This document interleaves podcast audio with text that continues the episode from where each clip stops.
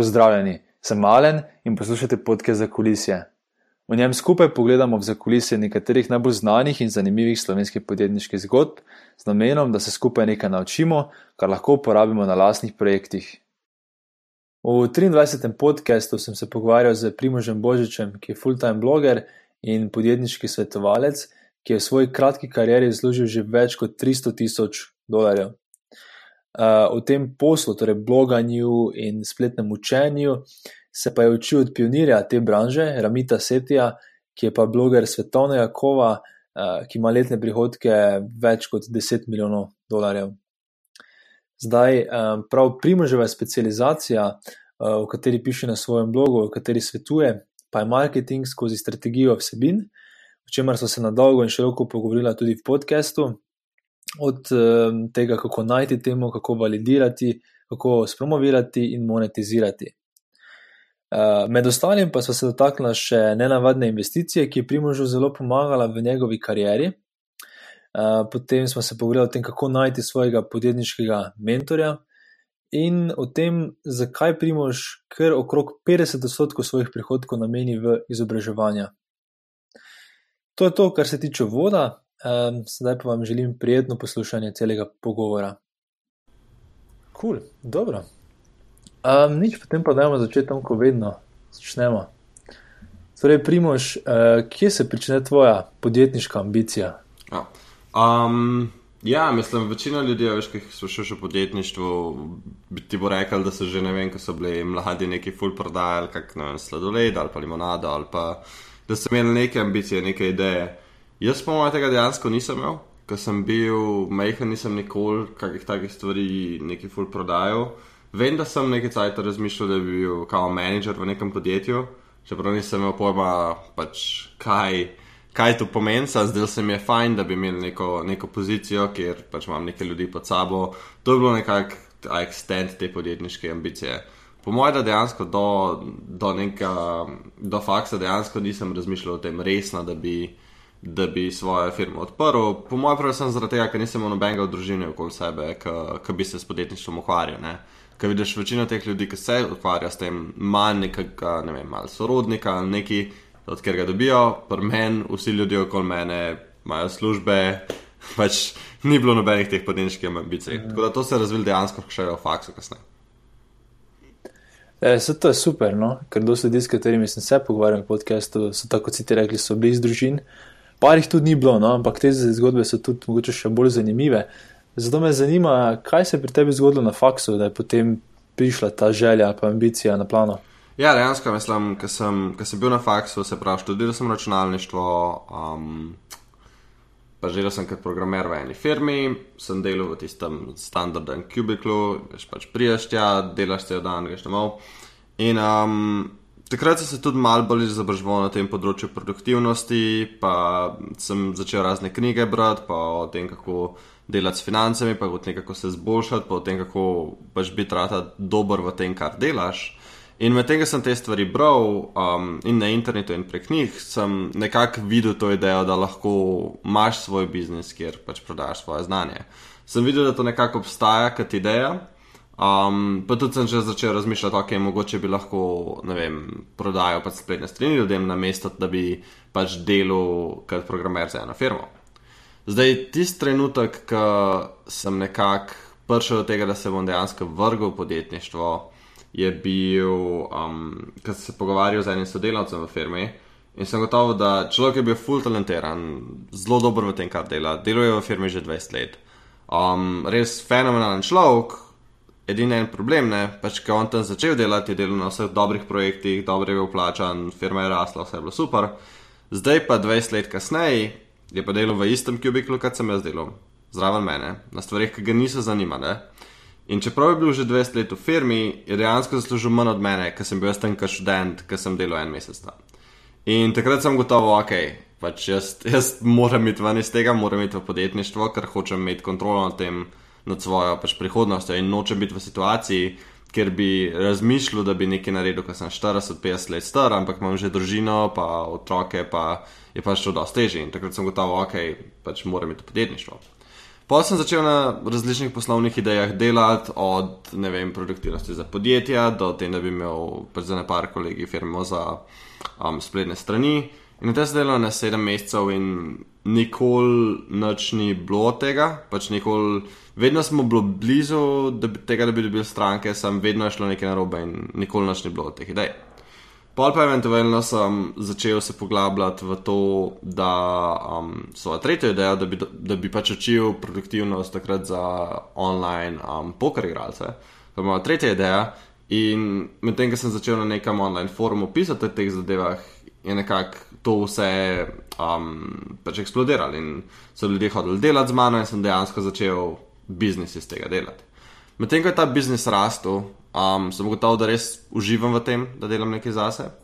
Po drugi strani pa medtem, ko sem hodil na faks, um, sem se pač učil o stvarih, ki me niso več tako zelo zanimale, ker sem gotovo, da me biznis bolj zanima kot razno računalništvo, programiranje, pač stvari, ki sem se jih učil takrat, ker sploh večina stvari na faksu je bilo tako, da sem. Nisem jih imel nekega razumevanja, ampak je bilo bolj tako, ok, gremo se to naučiti za, za izpit. Ni bilo neke želje, da bi res nekaj razumel, ampak je bilo bolj tako, grem to narediti, zato ker to moram narediti, sem zato, lahko ta faks končam. Zdaj, trenutek, ko sem ugotovil, da, da to nekako ne gre več, je, ker sem že nekako imel nek uspešen biznis in na faksu smo imeli um, program podjetništva, se pravi, pač predmet je bil podjetništvo na faksu in tako kot vsi klasični predmeti. Podjetništvo na faksu smo se učili potem, pač kako narediti poslovni načrt, kako narediti razne finančne projekcije in podobno. In jaz, jaz tisto gledam, tako, to, to je totalno drugače kot to, kar sem se jaz naučil in kar dejansko mhm. deluje. In tam sploh, ko smo se mi o tem pogovarjali, sploh ni bilo nobenega pogovarjanja se s strankami. Bilo je zaprisal sobo, del na podjetniškem načrtu šest mesecev, pa pa mogoče se pogovarjati s strankami. In imel tako, ok, to ni to, kar hočem delati, oziroma to ni tako, kot stvari delujejo, vsaj kar jaz vem zdaj. In sem se pogovarjal s profesorjem in sem rekel, da jaz že imam svoj biznis, lahko nekaj s tistim naredim, zakaj bi pač postavil nek nov hipotetičen podjetniški načrt, to nima smisla. Ampak oni so rekli, ne, ne, ne, moraš čez to. Jaz sem pa rekel, ok, to je meni neumno, tako da bom pač pustil faks. tako da zelo, to je bilo zelo radikalno. Um, pač ena, ena stvar je bilo dejansko to, ker jaz zelo ne maram delati stvari, ki se meni ne zdijo smiselne v življenju. In kadar je nekaj tazga, ki imam nek resistance, pol tako pač brez veze, da mi sploh delam take stvari, ker mi je zgubil časa. Tako, zakaj bi izgubil ne vem, koliko svojega življenja, zato da nekaj delam, kar ne vem, kako jim bo pomagalo. In pol iz tega se je razvijalo to, da vedno, ko sem delal na mojem podjetju, mi je bilo zabavno, sem bil poln energije, vedno, ko sem delal na faksu, sem bil skozi sam zamorjen, slabe volje, skozi se pritoževal. In pa sem rekel, v bistvu pač ne rabim več tega v mojem življenju. Zdaj lahko, lahko probam, pa pač naredim to, kar starši hočejo, pa končam faks, ampak le, je bolj smiselno, da se še en let s tem zabavam, pa pač um, končam faks, samo zato, ker bo en drug vesel, ali pa naredim to, kar mene osrečuje, kar je to, da se fokusiram na svoj biznis, pa pač faks pustim. In takrat se pač starši pogovoril, sem rekel, le.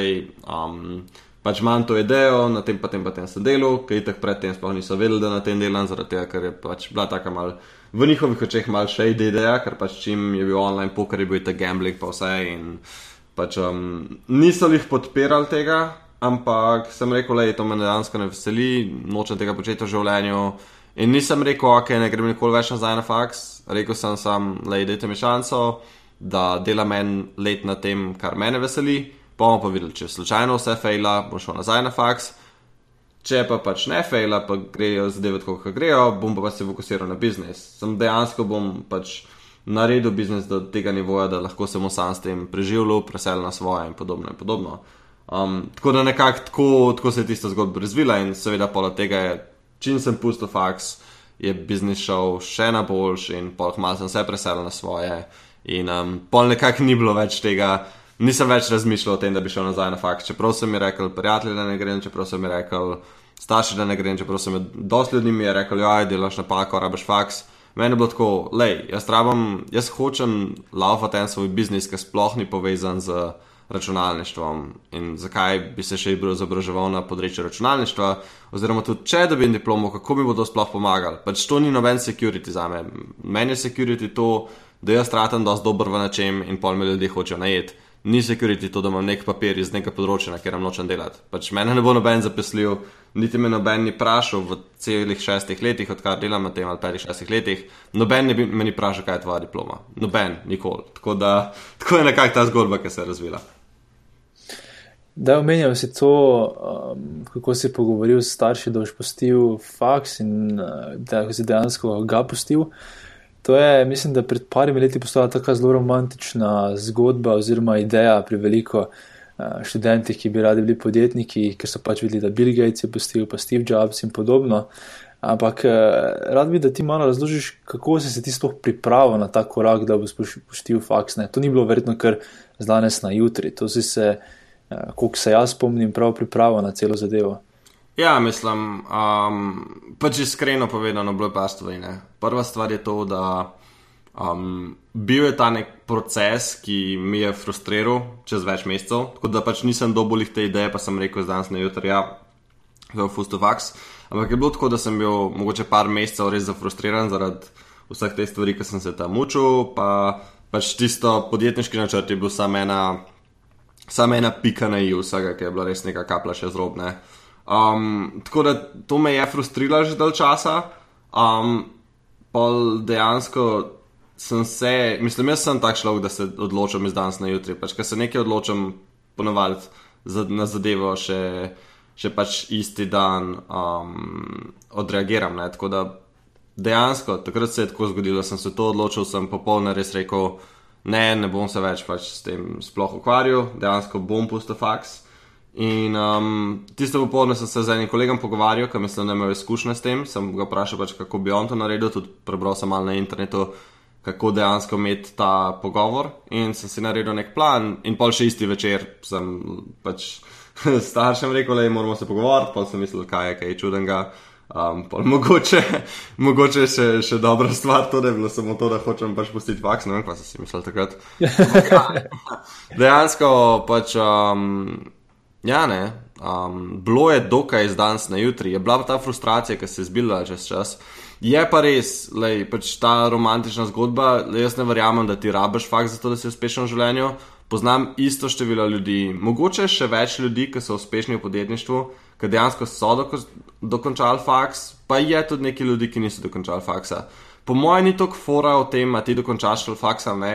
Bolje je to, kdaj na katerem pointu svojega življenja res ugotoviš, pač kaj ti hočeš delati. Ne? Pač Bill Gates je slučajno to ugotovil, kar hoče delati, takrat je bil na faksu in ga je pol pusto. Ne? Če bi to ugotovil, pol, ki je faks končal, bi pač faks zakončal. Ne?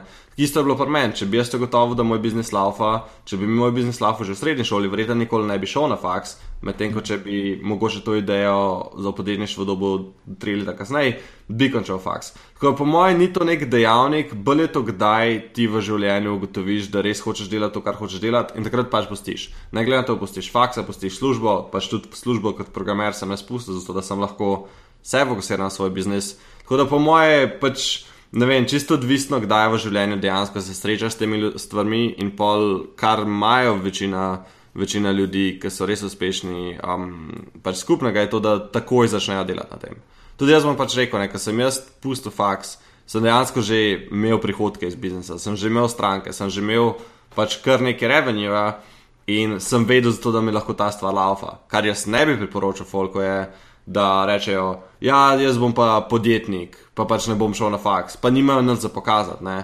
Ker mhm. pač, ej, če nimaš nič za pokazati, najprej zbuildi biznis, kar ga lahko na pač on the side zbuildaš, pač če si na faksu ali pa si v službi, lahko biznis zbuildaš do te mere, da dobiš prvih par strank, da vidiš, da ta ideja dejansko deluje, da vidiš, da se lahko s tem dejansko preživljaš um, zbili ga do te mere, pol pa pust faks, pol pa pust um, službo oziroma karkoli. To je po mojem največja napaka, ki jo ljudje naredijo. Oni dejansko nočijo, nočijo hoditi na faks, pa tako jaz, zato da imajo več časa za biznis.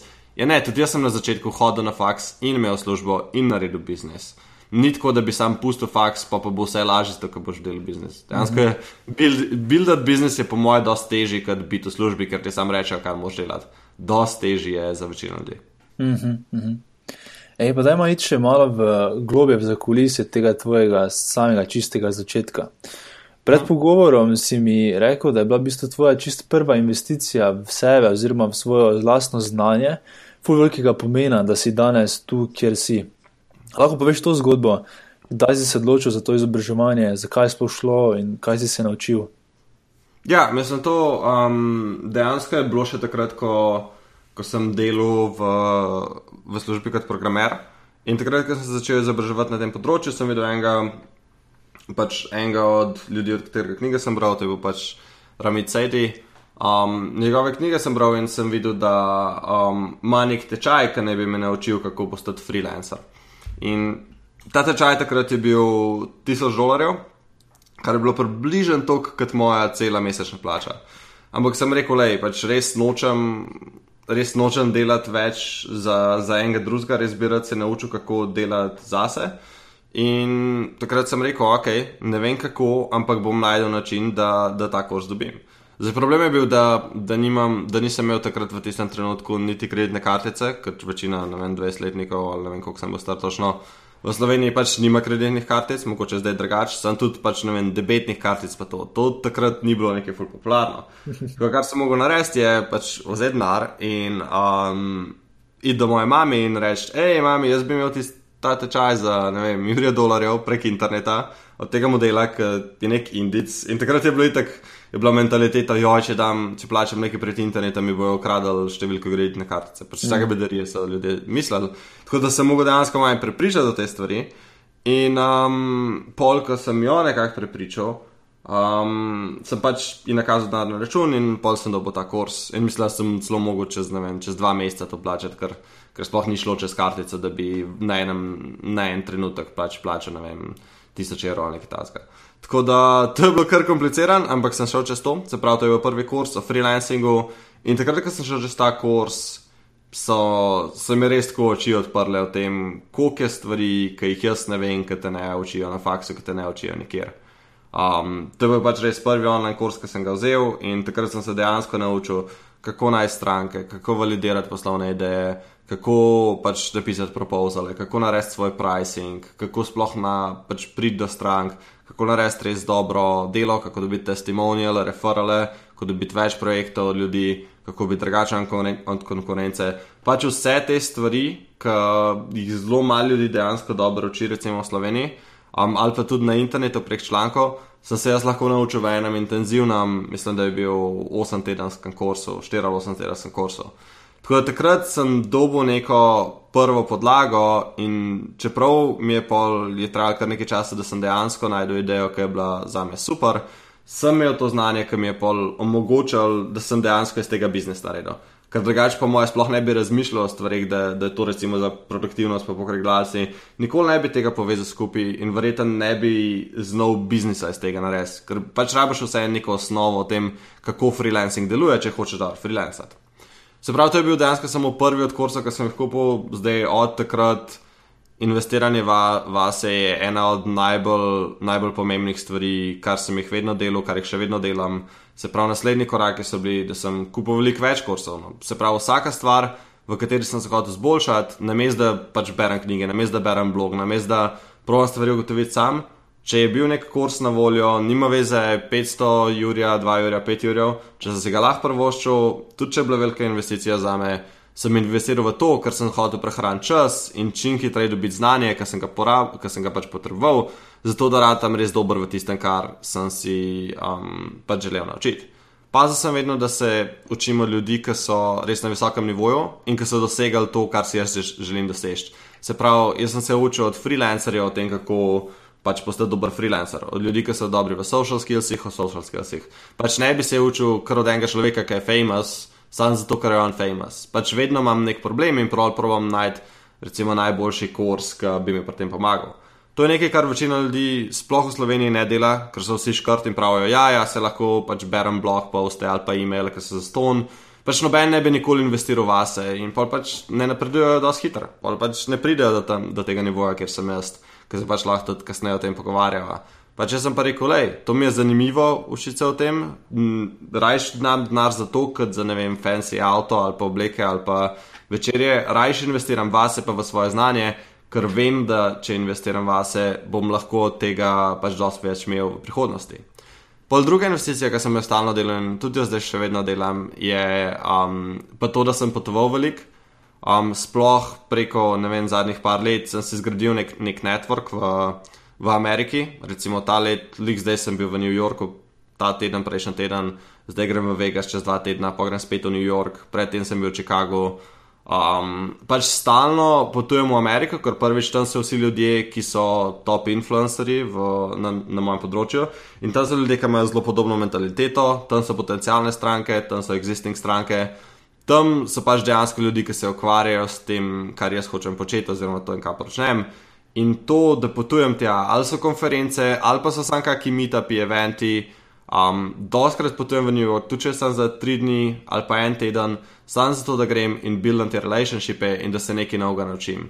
In tudi zdaj, pač, ko sem na višjem nivoju, mogoče online kursi pa to niso tako relevantni, ampak imam razne, ne vem, business masterminde od mojih mentorjev, ki so pol pač dosti dražji od kursov, ampak res dobiš čisto oseben feedback. Tako da investirati vase, po moje, če si lahko prvoščaš, zdaj, če si lahko prvoščaš, je svet full relativno. Mislim, da vsak človek mora imeti svoje prioritete. Pač jaz sem dal dejansko celo svojo plačo za en spletni tečaj.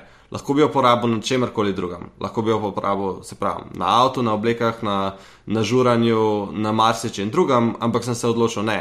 Biznis je mora prioriteta, investiral bom vase. In še vedno, do tega dneva, lej, nimam fancy avta, ampak stalno investiram dosti več denarja, ker bi ga porabil za fancy avto v sebe, v izobraževanje. In mislim, da je to res ena najpomembnejših stvari, ki jih lahko narediš, da agresivno investiraš vase. Zdaj, če si res ne moš prvoščati, vsaj to, da kupiš knjige. Pač knjige so le 10 dolarjev, so whatever. Zihar boš lahko povrnil teh 10 dolarjev, če si želiš pač, um, postaviti podjetje. Pol kasneje pa um, pridejo pač druge stvari, kot so kursi in ne vem, imaš tudi razne podcaste investiraj čas, investiraj v denar, v tisto, kar ti je res pomembno, in ne ga investirati v tiste stvari, ki so sam pač nice to have.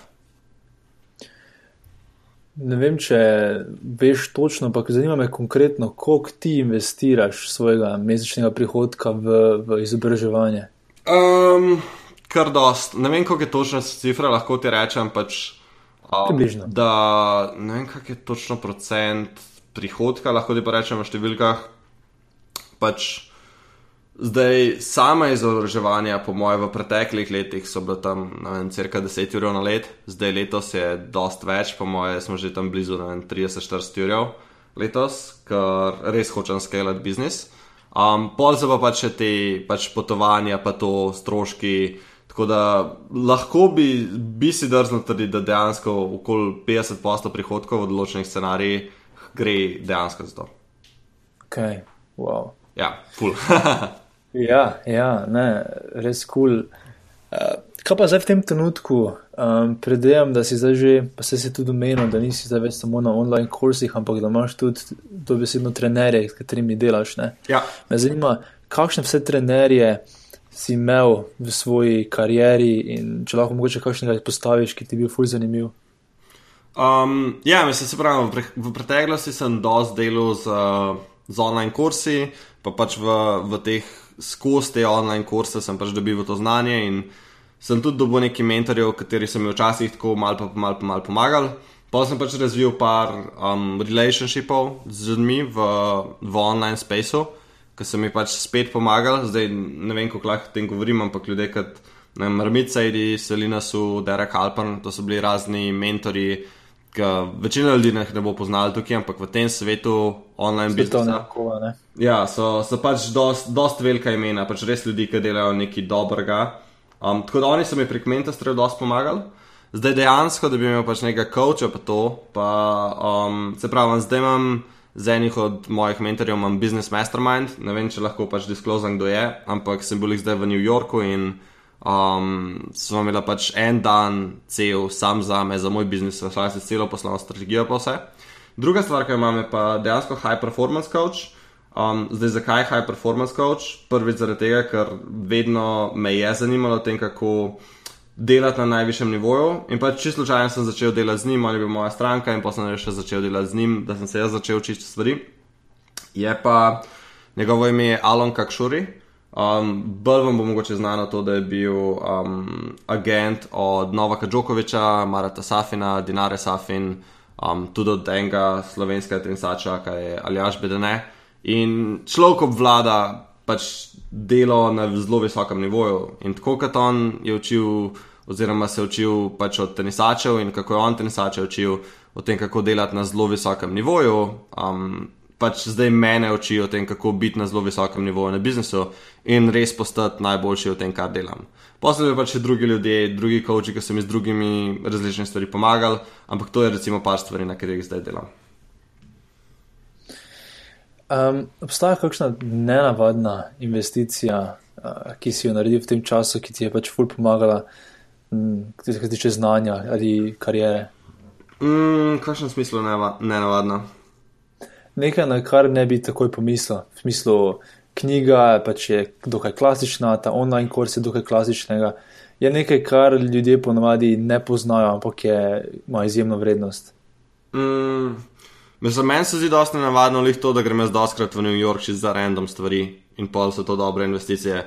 Oziroma, doskrat grem na določena mesta čez za random stvari. Čez primer, pač ta mentor, um, ki ga imam, Alon, um, on je iz Izraela in zdaj, ki je bilo na pripravah na to, kaj je bilo Evropsko prvenstvo v košarki, je bila prijateljska tekma med Izraelom in Slovenijo v Izraelu. In jer mi je poslal pač message prek interneta, če si na random, hej, če hočeš biti full spontan, ne vem, pač lahko bi šla gledat, ne vem, tekmo pe ta petek. In sem rekel, ok, jaz sem šel pač v Izrael čez brez kakršnih koli pričakovanj, zato da grem pač gledat neko um, košarkarsko prijateljsko tekmo, je bilo zabavno in pa sem pač dejansko še bil pri njemu ene par dni v njegovi hiši in sem se pogovarjala o vseh teh zanimivih stvarih, o high performance, o biznisu in podobno. In to je bila pač čist random investicija, čistko, še vem, da letalske karte so bile full drage do Izraela, mislim, da so bile na 600 evrov, kar je to, kar ponovadi dan za karte do New Yorka, ampak je bilo pač last minute, dva dni vnaprej. In take spontane odločitve, doskrat, um, jaz jih pač naredim brez, tem, brez, tem, brez tega, da razmišljam o tem, kaj bom nekaj iz tega dobu, ampak ponovadi lih od teh najbolj spontanih odločitev se, so pač največji benefiti. Ker če zdaj pogledam nazaj, pač preživeti tri dni z nekom, ki je res dobro v tem, kar dela, je pač noro. Veljo od tega je dosti večji kot tistih, ne vem, 600 evrov, ko sem dal za letalsko karto. Pač take stvari sem delal doskrat v preteklosti, ali je mentor povabil, ne vem, na kosilo v San Francisco. Sem rekel, ok, kupam karte, grem čez dva tedna tja.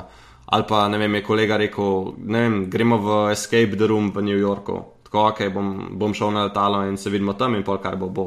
In doskrat točno od teh spontanih stvari najboljše, um, pač najboljši rezultati prijejo. To, to so take nore investicije, ki bi jih jaz delal, mogoče, ker so ne navadne v nekem smislu. Ja, zelo zanimivo.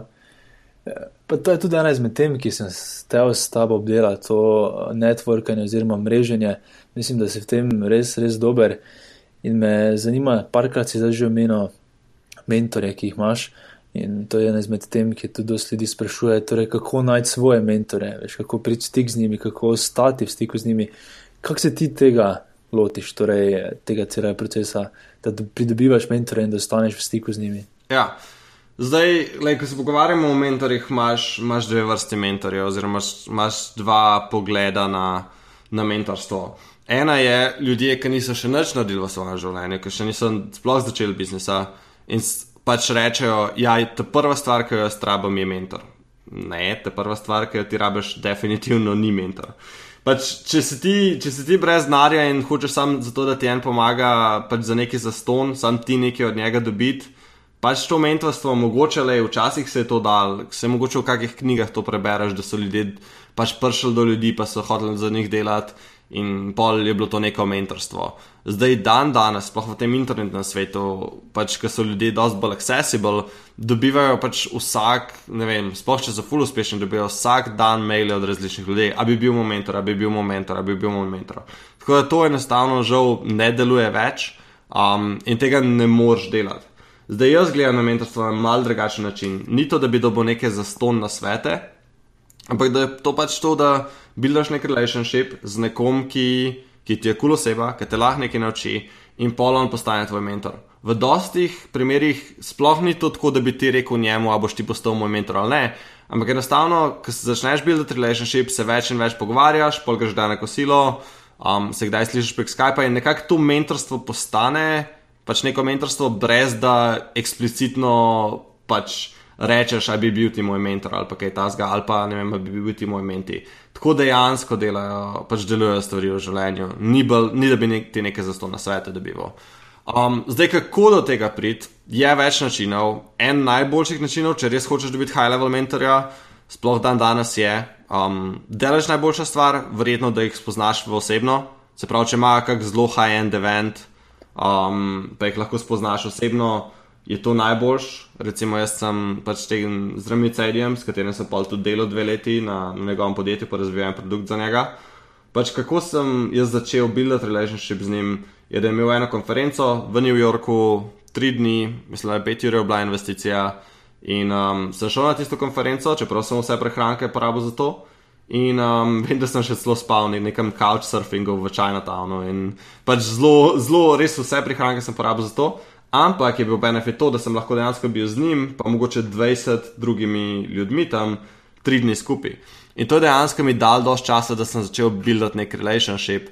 Tako da to je vedno najboljša opcija. Če lahko greš z nekom nekam za ne vem, tri dni, pa je samo 20 drugih ljudi zraven, to je daleč najboljši način za buildati relationship.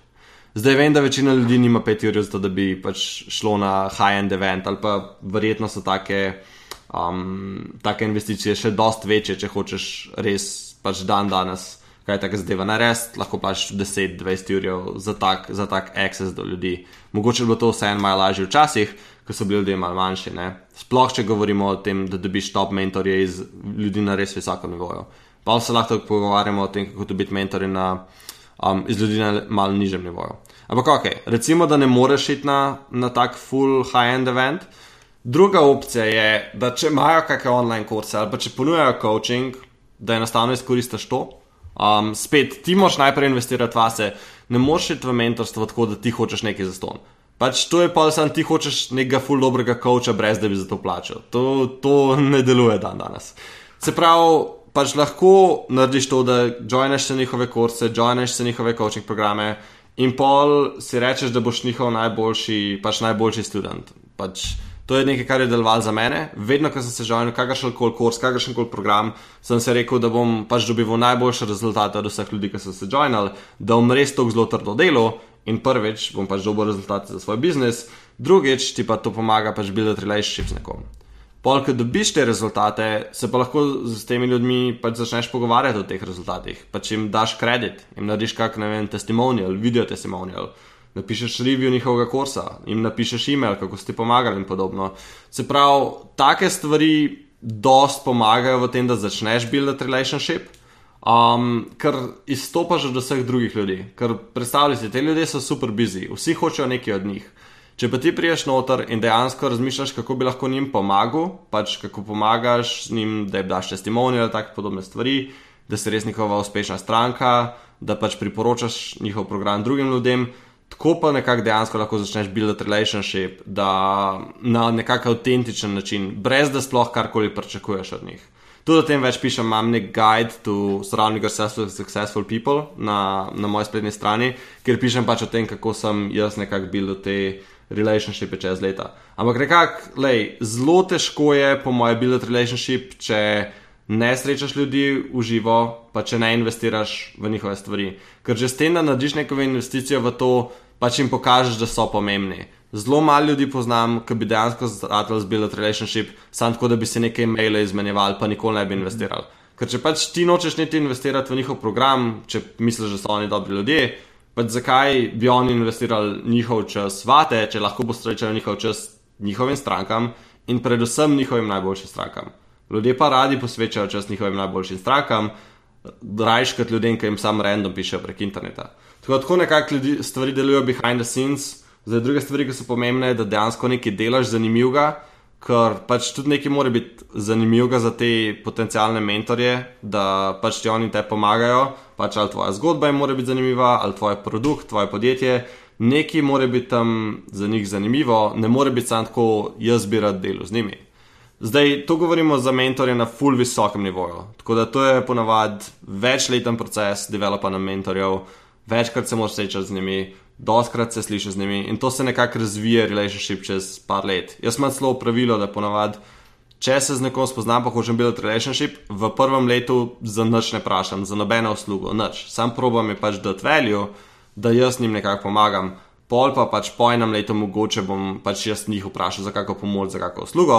Zdaj, če bo oni kaj meni ponudili prej, super, ampak nočem biti tako, kot vsi ostali, ki sam nekaj hočejo od ljudi. Se pravi, ok, mentori na visokem nivoju. Lažji, kot dobiti enega mentora, ki že ima 8-figure, 9-figure business, ker so pač super, super busy, je dobiti mentorja, ki je na mal nižjem nivoju, pa par korakov pred tabo. To je dost lažji, sploh če si spet sposoben, de, um, pripravljen delati, pripravljen investirati v, v, v vase in v svoje znanje in pač res uporabljati njihove nasvete in jim povedati, kako ste na sveti pomagali. Dost lažje ti bo dobiti mentorja, ki je na nižjem nivoju, ker enostavno nimajo toliko requestov, niso toliko busy. Se pravi, če ti še nisi biznisa začel, prvič, ne rabiš mentorja, da začneš biznis. Pač kup online kurs, preber knjige, začni nečem delati, pol pa, ki imaš neke rezultate, pol mogoče rabiš mentorja, da ti pomaga. Ker, lej, tudi večini mentorjev je brez veze, da ti razlagajo stvari, o katerih že pišejo v njihovih online kursih. Pač zakaj bi ti razlagali isto stvar, ki jo lahko dobiš v kursu, da bi ti razlagali stvari, ki jih že pišejo v svojih blog postih.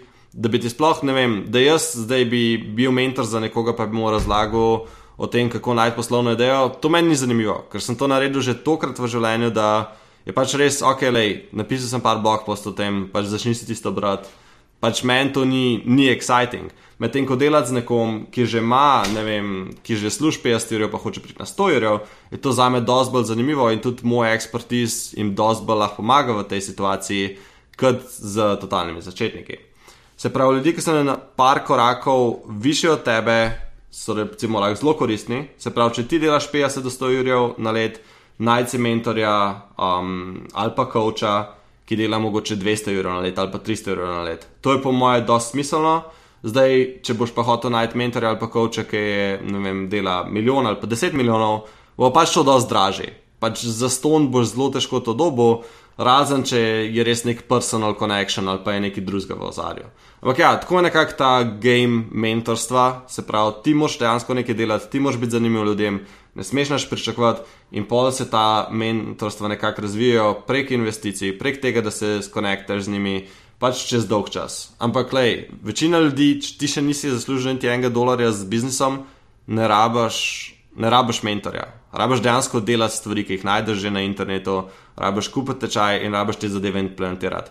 Ker mentori te dejansko najbolj lahko pomagajo, pol kasneje, ko že nekaj služiš, ti lahko pač pomagajo tvoj biznis nekako skalati. To je po mojem največja moč mentorjev. Ni to, da bi ti pomagali najti idejo, idejo moš najti sam. No, zdaj si to lepo pripeljal nazaj na te online kurse. Torej, če si na začetku, se lahko tam veliko naučiš. A lahko mogoče, kljub temu, da si zdaj rekel, da se raje ukvarjaš z nekimi bolj naprednimi zadevami, za začetek, če se dotaknemo tega tistega tvojega prvega kursa, eh, ja. kaj si se v njem naučil, oziroma kaj je bila mogoče ena stvar, ki bi mogoče zdaj izpostavil za poslušalce, kaj si se v njej naučil, eh, pa če lahko to deliš zdaj s poslušalci. Um, Ja, ali hotel fora ni ena stvar, ne. Pač cel, cel sistem tega, od tega, kako najti stranke, kako pač najti svoj unik, pač svojo nišo, do tega, kako pač dobiti propozale, um, kako komunicirati z njimi, kako dela dobro delo. Pač cel proces je, lih v tem fora, pač če iščeš vedno samo eno stvar. Pač, to je recimo vprašanje, ki ga lahko dobimo. Kaj, kaj je ena knjiga, ki jo ne preberemo v copywritingu? Odgovor ni, kaj je ena knjiga. Preberi vse knjige, ki jih lahko najdeš, pa jih pa uporabi, pa boš pa rado dober copywriter. Pač, lej, večina ljudi mogoče išče eno stvar, sam kar dejansko moraš narediti, je najti vse pač, znanje iz tistega področja, ki te zanima. Se pravi, bolj pomembno je tudi to, da bi rekel, da je ok, to je pa ena stvar, ki jo je že dejansko zelo težko izpostaviti. Ker tudi če imaš ena stvar, pol če ne veš ostalih drugih, ne vem, devet stvari, pač ne boš dobival nekih rezultatov. Se lahko rečem, ok, moš dobiti dobro nišo, nekaj unikatnega, kar noben še ne dela, ali pa pač biti boljši kot ostali. Lahko bi rekel, ne vem, tudi zdaj bi recimo rekel ljudem, da moš biti, recimo, če, če imaš nek kontent, če imaš nek blog, da se moš fokusirati na to, da delaš najboljši kontent na internetu v svoji niši. To je dejansko pomembno. ampak so pač vedno drugi deli procesa. Tako da to je zelo, te, zelo težko vprašanje odgovoriti na tak mm. način, da bi bil dejansko koristen za ljudi. Ker odgovor je lih to, pač to je pomemben odgovor. Na mestu, da razmišljaš, kaj je ena stvar, ki jo lahko naredim, razmišljaj, kaj so vse stvari, ki jih moram narediti. Ja, se v bistvu namen tega vprašanja ni bil to, da dejansko zdaj ja, dobi nekdo vso znanje, ki ga potrebuje, ker je tako ni možno, ampak v tem nekem časovnem omejenem uh, prostoru tega podcasta sem hotel dati samo en primer, veš, kaj si se naučil. Zdaj ima potem tako postaviti vprašanje, kaj pa en primer nečesa, kar si se naučil uh, in te če šokiralo v primerjavi z tem, kar so vas učili na faksu, kar se tiče učenja uh, pisanja podjetniškega načrta. To se pogovarja s svojimi strankami. Ker se pravi, to, to je bil na faksu zadnji korak, um, v tem kursu je bil to prvi korak. Pač takoj, okay. takoj ko hočeš neko podjetniško idejo imeti, ljudje pač delajo to napako, da si naredijo neke tako ogromne plane, pa nikoli se dejansko ne pogovarjajo s svojimi customerji. Tudi, ko se pogovarjam s podjetniki v Sloveniji, ne vem, z enim podjetnikom sem se pogovarjal, ko laufa dosto uspešno firmo, človek se ne, pač firma se sploh ne pogovarja z njihovimi customerji, sploh ne, ne vejo, kak, kak language uporabljajo, pač kaj so njihovi problemi, zakaj kupujejo njihove produkte. Niso nikoli, ne vem, poslali nobenega servija svojim, svojim audiencu, nikoli se ne, ne grejo na telefon s svojimi strankami in jih vprašajo, pač, kaj je kul, cool, kar ni kul, cool, kaj, kaj še manjka. To je po moje tudi sploh v Sloveniji ena največjih napak, ki ljudi dela, um, da ne gre do svojih potencialnih strank ali pač že do svojih existing strank in jih dejansko vpraša, pač, čim ti lahko pomagam, kaj je dobro, o čem, o čem bi se rad več naučil, kaj ti je pač brez veze poslušati te stvari so pač ponovadi v, v tem svetu, ki sem jaz prvi korak. Da pač dejansko ti viš, kaj, kaj je tisti problem, ki ga rešuješ za ljudi. Pač, če si ti nek fotograf, pač ok, ljudi hoče fotke, ampak kaj, kaj pričakuje nek podjetnik, ki ima nek event od fotografa. To so stvari, ki jih ljudje pač ne vejo. On pač misli, da jaz sem fotograf, jaz lahko delam dobre fotke in zato moram zaslužiti denar. Ja, ne, to ni dost pač ti moraš dejansko vedeti, kaj je ljudem pomembno. Ali jim je bolj pomembna kvaliteta fotk, ali jim je bolj pomembno, da dobijo pač vse fotke v prvem enem ali dveh dneh. Kaj jim je pomembno, a hočejo čim več fotk, a hočejo vem, imeti 500 ok fotk, kjer se vsi ljudje vidijo, ali jim je bolj pomembno, da imajo 20 fotk, ki res profesionalno izgledajo. To lahko ti kot fotograf ugibaš, ampak dokler se ne pogovarjaš z ljudmi, pa vidiš pač, kaj je njim pomembno, dejansko ne boš vedel. Ker ti moraš pač komunicirati z ljudmi, ker to ti lahko dam primere. Pač vem, recimo, da ljudmi, ki imajo evente, zelo pomembno jim je, da dobijo full velik fotk, ker če dobijo full velik fotk, na mesto pač samo 20 fotk, pa se bojo vsi ti ljudje, ki so bili na eventu, bojo širili te fotke na internetu.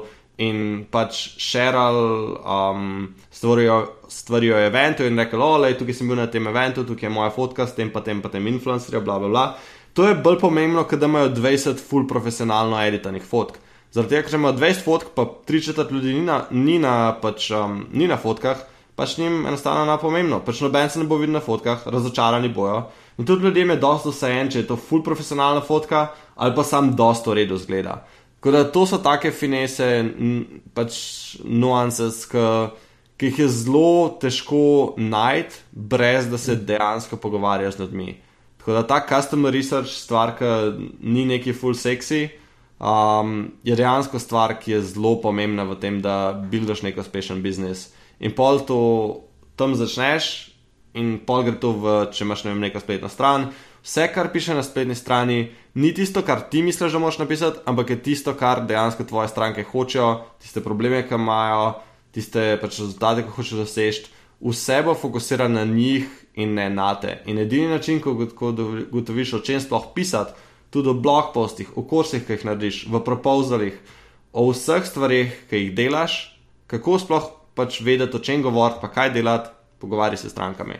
To je recimo ena stvar, ki je na faksu sploh niso omenili, oziroma je bilo mm. tudi zadnji korak in sem rekel, ok, to, to je neumno, ker jaz lahko delam nek plan, pa pa pač se čudijo ljudje, zakaj ne vem, 9 od 10 biznisov fejla. Ja, zaradi tega, ker noben dejansko se ne pogovarja s strankami in dela neke neumne plane, ki so neke ideje, inovativne, kao sem.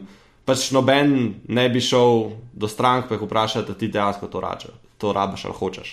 Pač ok, lej, sej je neki, ki priješ na res nek advanced nivo, pač lahko postaneš inovator in lahko najdeš nek, narediš nekaj unik, kar ti res misliš, da ljudje rabijo, pa oni mogoče kao ne vejo, da rabijo, ampak s tem ne začneš. Pač to, to ni stvar, s katero začneš. Pač ne moreš gledati na Steve Jobsa na, pač na njegovem najvišjem nivoju, kot nekje, kjer boš ti začel. Na začetku enostavno delaš stvari, ki jih ljudje že vejo, da jih hočejo, rešuješ probleme, ki že vejo, da jih imajo, pa pa kasneje, ker razumeš to podjetniški svet tako dobro, ki imaš tisoče, tisoče ur v tem, takrat dobiš sploh ta ekspertiz, da lahko kao vidiš te stvari, ki so pomembne za, ljudmi, za ljudi, in pa tudi te stvari, ki ti veš, da so pomembne, jih moš nekako pokonektati na to, kaj je ljudem pomembno. Tako da to je recimo ena stvar, o kateri ljudje um, ne govorijo prav dost, ampak je, lej, če hočeš imeti dober biznis, pogovarjaj se s strankami. Ja, jaz se lahko samo full, full, full strinjam s tem. In uh, tudi iz izkušnje zadnjih dveh, treh let v Mintnu, ko sem delal, lahko rečem, da je v bistvu naša cela metodologija design thinking slonila točno na tem, da se pogovarjal z strankami, ugotavljal njihove težave. Pa niti ne samo težave, ampak tudi te preference, ko si jih omenjal. Ne? In te male, potem tviki v ideji naredijo lahko veliko razliko med tem, da si uspešen ali pa da te noben sploh ne povoha. Ja, se to tam pač ko delam s strankami, se takoj, takoj se vidi, kdo je naredil research, pa kdo ni. Ker res vidiš take mehke, sofisticirane detajle, ki jih lahko zberiš ja. sami iz tega, da se pogovarjaš s folkom. In takoj se vidi, ker če so ljudje čist isti, kot vsi ostali ljudje, pač vidi se, da niso pač tega researcha naredili. Recimo, ne vem, primer. Um, delam z nepar strankami, ki pišejo zdaj neke ultimate guide o binge eatingu. Eni pač pišejo o binge eatingu na nekem visokem nivoju, kaj je binge eating, kako se ga znebiti, bla bla bla. Imamo pa pač eno žensko, ki vem, da je naredila dosta več researcha, pa pač en, en headline v guidu je, ne vem, what to do when the baked goods appear. Pač, to, recimo, pač, to je tak level sofistikacije, ki veš, ok, pač človek je naredil njegov research, ker dejansko pač lahko vizualiziraš, ok, ne vem, pač en je prinesel neke kukije v, ne vem, pač sobo, v službo ali pa nekaj tasga. Pač tak nivo vizualizacije pa pač dobrega kopija lahko dobiš sam s tem, da se res s folkom pogovarjaš. Ker drugač boš vedno govoril na nekem visokem high level nivoju, nekaj, kar ti misliš, da ljudi hoče slišati.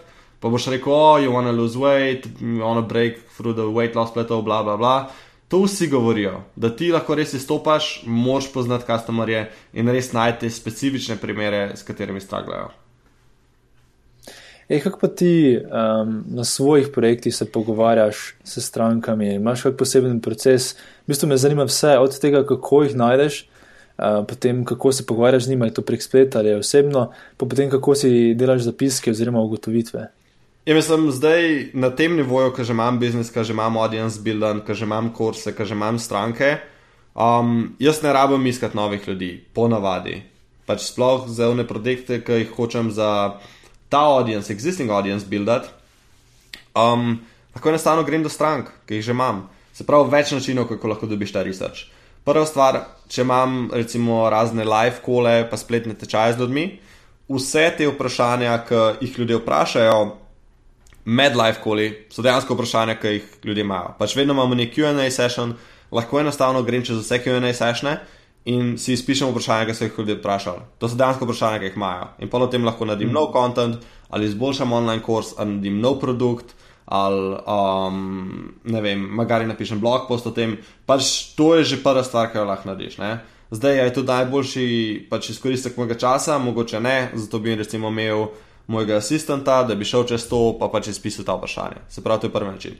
Drugi način, imamo Slack community, se pravi, to je nek chat-based community, ker spet ljudje sprašujejo vprašanja. Isti proces, samo greš čez vsa vprašanja, narediš en dokument z njimi in pa so to potencijalne stvari, o katerih lahko govoriš v prihodnosti. Tretji način, um, pošleš servi, ki se ljudje joinajo v program, vprašajo, zakaj si se joinil, kaj, kaj so rezultati, ki jih želiš dobiti. Um, pač kaj pričakuješ od tega programa, kaj, kje probleme imaš zdaj, ki hočeš, da jih solvam, zakaj si se jih za, za ta program odločil, spet customer research, na začetek programa. Pa imaš na koncu programa lahko spet anketo, kaj so bili problemi, ki si jih imel um, na začetku tega programa, ki jih zdaj nimaš več. Kaj te je presenetilo v tem programu, kaj so bili rezultati, ki si jih dobil. Evo, spet pač dosta vprašanj um, ki ti lahko pomagajo, pač s tem, da ugotoviš, da najdeš prvič testimonije, pa da tudi vidiš, kje probleme dejansko tvoj program rešuje. Ok, več primerov. Lahko pošlješ non-buyer survey. Non-buyer survey je survey, ki če imaš ne vem, nek spletni program, ki ga lansiraš prek interneta, imaš nek launch, recimo en tedenski launch. Pol, ko se launch konča, lahko pošlješ um, survey ljudem, ki se niso joinili programa in jih vprašaš, ok, zakaj se nisi joinil. Um, pač ni bil ta prav trenutek, je bila finančna stvar, a se ti ni, ni zdelo zanimivo, kaj točno je razlog, zakaj se nisi joinil in kaj boš zdaj naredil za to, da boš pač rešil ta problem. Spet informacije. Še en primer. Ko pač se ljudje subskrbijo na tvoj e-mail list, kar dosti ljudi dela, je da jih vprašaš, ok, kaj je en problem, ki ga imaš trenutno, kar se tiče recimo online biznisa v mojem primeru, ali pa kar se tiče binge eatinga v drugem primeru. Sprav vsakeč, ko se subskrbijo na tvoj e-mail dobijo avtomatiziran mail, kjer jih vprašaš, kaj je tvoj največji problem ok, drugi problem. Pač to je full, full te dajem primerov, zato ker se dejansko, pač po mojem, tvoj audience bo lahko to kasneje v nekem stežu tudi uporabljal, ampak da ti res pokažem, da je integriran v vsak, pač res v vsak del biznisa je integriran ta feedback. Pač včeraj sem recimo imel en call za eno potencijalno novo stranko.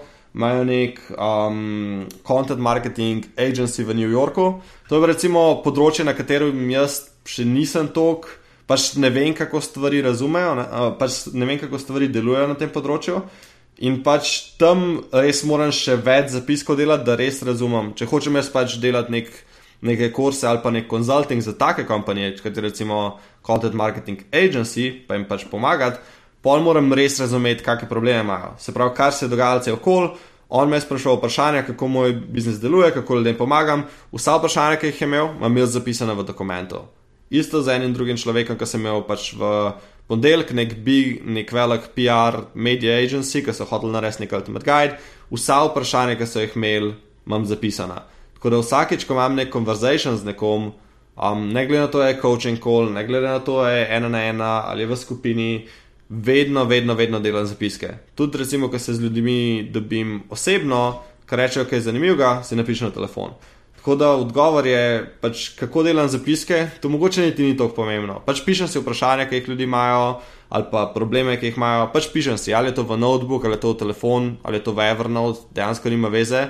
Sem pač point v tem, da res vedno na vsakem procesu, na vsakem koraku procesa, ali so to ankete, ali so to pogovarjanje s strankami. Um, predvsem pač to, da se pogovarjam z ljudmi, ki so že investirali nekaj vame to vem, da bojo dosti bolj high quality conversationi, kot z ljudmi, ki pač še niso investirali vame. Ker dejansko ti ljudje, ki kupijo tvoje produkte, veš, da so tvoji ideal customers, medtem ko ti ljudje, ki se sam subscribijo na e-mail listo, mogoče njih moraš vzeti mogoče mal z grain of salt, ker moraš vedeti, če so res tvoji ideal customers. Tako da pa so te nuance, ki jih lahko gotoviš tam, pač s tem, kar res tega veliko narediš. Ampak odgovor je, recimo, te stvari, ki sem ti zdaj omenil, da imi deset slovenskih firm, ti garantiram, da devet od desetih ne dela nič od tega. Mm. Um, Kako se pa bi razlikoval ta proces, če ne bi že imel podjetja, ampak bi začenjal z ničle, potem ne bi pač mogel, kot se reče, pogovarjati z dejanskimi strankami. Ne? Kaj bi v tem primeru našel prave ljudi, s katerimi bi se pogovoril? Mislim, kako bi jih našel najlažje je prek, um, najlažje ali prek referenc, pač enostavno vprašaš ljudi, če imaš neko poslovno idejo. Um, recimo, hočem biti fotograf za poroke. Um, najlažje je vprašati ljudi, ki, jih že poznaš, oziroma ki lahko prideš do njih prek svojih referenc. Se pravi, kar bi jaz naredil, je prva stvar, bi vprašal bi vse ljudi, pač družino, prijatelje, um, mogoče bivše uslužbence, vse ljudi, ki jih poznam, bi vprašal, hej, a poznaš koga, ki se bo v prihodnosti poročil, pa išče fotografa, ali pa nekoga, ki se je že poročil, pa je imel fotografa in bi se začel pogovarjati s tem folkom.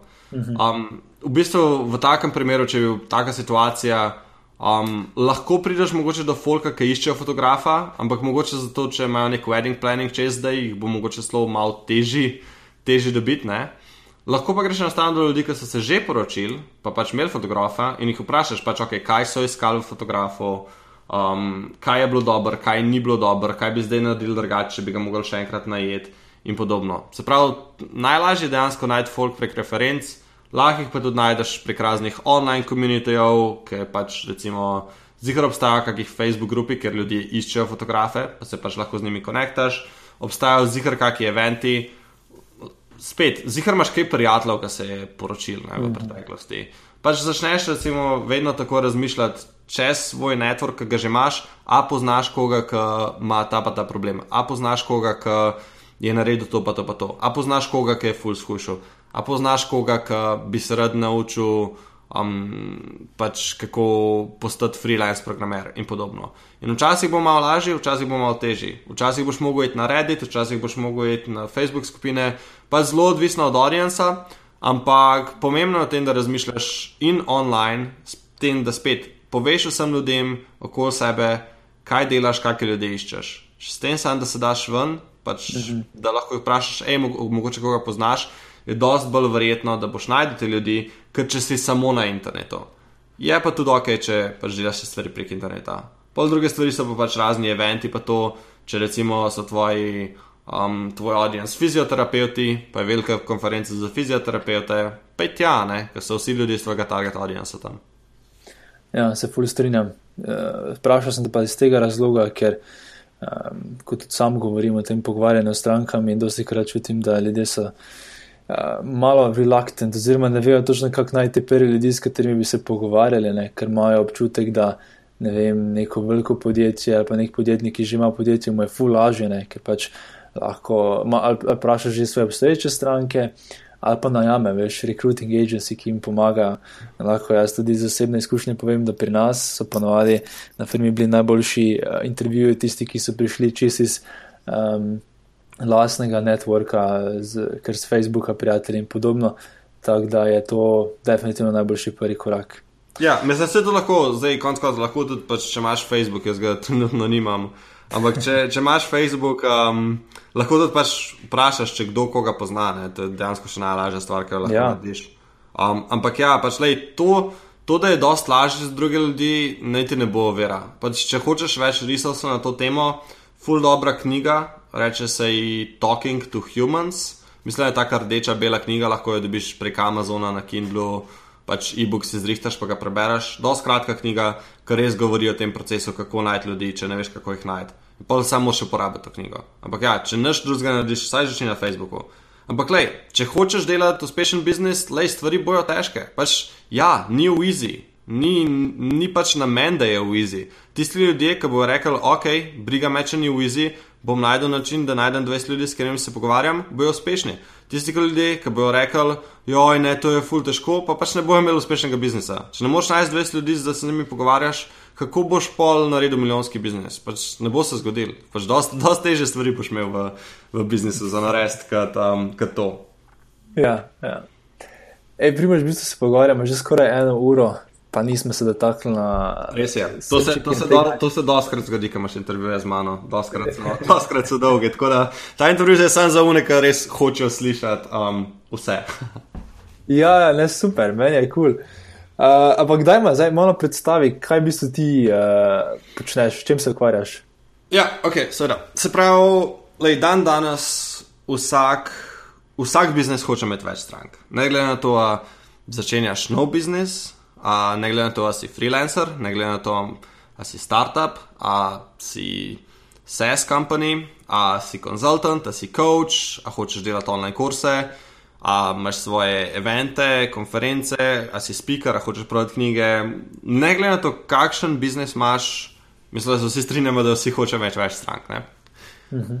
En od načinov, da dobiš več strank, je prek interneta. Um, in pa imaš dva načina. En je pač paid advertising, drugi način je pa recimo organic, recimo organic traffic. Ne? Ta organic traffic ponavadi dobiš prek raznih blogov, podcastov in podobnih stvari. Um, temu se nekako reče, da kreiraš online content. Ne? Se pravi, content marketing je nekako term, ki dosta ljudi za to uporablja. Zato si zgradiš nek online audience, potential customerjev in da tudi pač ljudje pol prijajo do tebe. Zdaj, znotraj tega online pač content marketinga, ena stvar, ki jih lahko delaš, je to, da pišeš nek blog, oziroma da pišeš nek content na svojem blogu. Zdaj, deset let nazaj, ali pa petnajst let nazaj, recimo deset let nazaj, je bilo dost, da si ostal full uspešen in zgradil full velik audience prek interneta, samo s tem, da si začel pisati blog. Ker noben tega drug, drug ni. In zato imaš dosti ljudi, ki so začeli njihov biznis 10, 12, 15 let nazaj, ki imajo full ogromne bloge, čeprav njihov kontent na začetku sploh ni bil tako dober. Ampak enostavno zaradi tega, ker takrat je bilo dosti težje začeti blog, ker pač težje je bilo dobiti software. Pač noben te ni učil, kako zgraditi blog. Pač barrier to entry je bil dosti večji, sploh imeti svojo spletno stran, ni bilo teh vseh WordPress templateov, pa stvari, ki bi bile full accessible. Takrat je bilo to full težje, ampak zaradi tega, ker je bilo samo par ljudi, ki so to delali, ima neke ogromne audience. Zdaj, pol kasneje, recimo pet let nazaj, so se stvari malo spremenile. Takrat ni bilo več dosti samo zato, da si imel blog, ker se je začela industrija malo razvijati. In um, pač je bilo že toliko blogov od zunaj, da je že skoraj vsak človek, recimo, lahko postavil blog. In na tistem nivoju so začeli pač razni ljudje prek interneta učiti stvari, ok, ni več dost samo, da je blog, moš delati res dober kontent, ki je boljši od drugih ljudi. In hvala je bila, nekako se je rodila ta ideja o long form contentu. Se pravi, to niso. Pač ni več dosti, da pišeš samo blog poste, ki so dolgi 500 besed, ampak moraš pisati nekaj, kar je ne vem, 2000, 3000 besed, kar res reši nek problem za ljudi se je nekako ta ideja rodila in ko so ljudje začeli delati to, um, tudi jaz sem pač v tistem, v tistem obdobju nekako začel svoje stvari, svoj biznis laufati. Um, Ko začneš delati na tem, da pišeš boljši kontent od večine, se začne začeti spet biznisi rast. Ampak v zadnjih pet letih se je industrija spet razvila naprej in je dost več ljudi, recimo, vem, da je ena online kurs, ki uči ta princip, ok. Um, pač napiš res high quality content, ki je 2000-4000 besed dolg. Pač samo eno od teh kursov, v katerem sem, mislim, da ima 10.000 strank. Ker sem pač jaz ta kurs se joinil, sem bil eden izmed prvih strank. Vem, da so drugi kursi podobni, ki imajo 50.000, 30.000 strank in podobno. In zdaj imaš 100.000 ljudi samo v tem mehkem bablu, um, mojem bablu, ki vejo, kako to delati. Zdaj ne bojo vsi tega naredili, ampak glej, večina ljudi zdaj ve, da mora delati nek dober kontent na internetu. Ampak zaradi tega, ker je skozi več in več in več tega konta, tudi zdaj s tem je težko imeti nek advantage pred konkurenco. Pač samo dobri blog posti ne bojo avtomatično dobili full folk na tvojo spletno stran, zato ker je že toliko konkurence zdaj. Tukaj je online kurs o tem, kako narediti blog, tukaj je online kurs o tem, kako narediti online business, kako narediti dober kontent. Se pravi, zdaj, če hočeš izstopati, moraš pa vzeti pač stvari še na en nivo više. In tukaj pride noter tisto, kar jaz delam, kar so Ultimate Guide. Ultimate Guide, ultimativni vodiči, ne vem kako bi to rekel v slovenščini, nisem videl prav dosto dobrih takih stvari v Sloveniji narejenih, ampak to so nekako neki, pač kaj da bi rekel, neki mega blog posti na steroidih. Se pravi, namesto da napišeš o enem topiku, naprimer o tem, kako iti na konferenco, Namesto da napišeš 500 besed dolg post, ker ga je tako noben ne bo več odzel, namesto tega napišeš 3000 besed dolg post, ki je verjetno ok post, ampak jih je že dosti na internetu. Napišeš blog post, ki je ne vem, 25000 besed dolg, kar ti bo vzel dosti tednov, ampak cilj tukaj je, da res napišeš najboljši, najbolj detajlen, najbolj komprehensiv blog post na internetu na to temo, ki ga lahko pa uporabiš tudi kot nekakšen e-book, zato da si buildaš audience. To sem recimo jaz zdaj naredil. Um, pred lih parih tedni nazaj sem pač napisal Ultimate Guide to Attending Conferences, ki je daleč najboljši, pač naj, daleč najboljši resurs na internetu o tem, kako se pripraviti na konferenco. In noter je res vse od tega, kako se pripraviti, kako pač se konektirati s speakerji na konferenci in kaj narediti po konferenci. Noter so exempli, moji storiji exempli iz konferenc, na katerih sem bil, exempli od drugih ljudi, pač skripte. Vsaka stvar, ki bi jo pomislil o pripravi na konferenco, je notor opisana. In tak kontent, ki res izstopa, ki je desetkrat boljši od česar koli drugega, v tem je zdaj dan danes full velika priložnost za dobiti več strank. Zaradi tega, ker s tem, kar ti narediš, ker res vložiš čas in trud v to, da narediš en kontent, ki je delež najboljši na svetu, tukaj je tvoj advantage, s tem izstopaš pred vsemi ostalimi ljudmi. In ker ljudje vidijo, vidijo nek dober piece of content, ker je res dosti boljši od vsega drugega, takrat vidijo, ok, zakaj, bi, zakaj bi sploh še bral tiste druge blog poste, ki mi ne pomagajo toliko. Če pa lahko pogledam ta en super amazing post in pol ne rabim nič drugega več prebrati, ker točno vem, kaj narediti.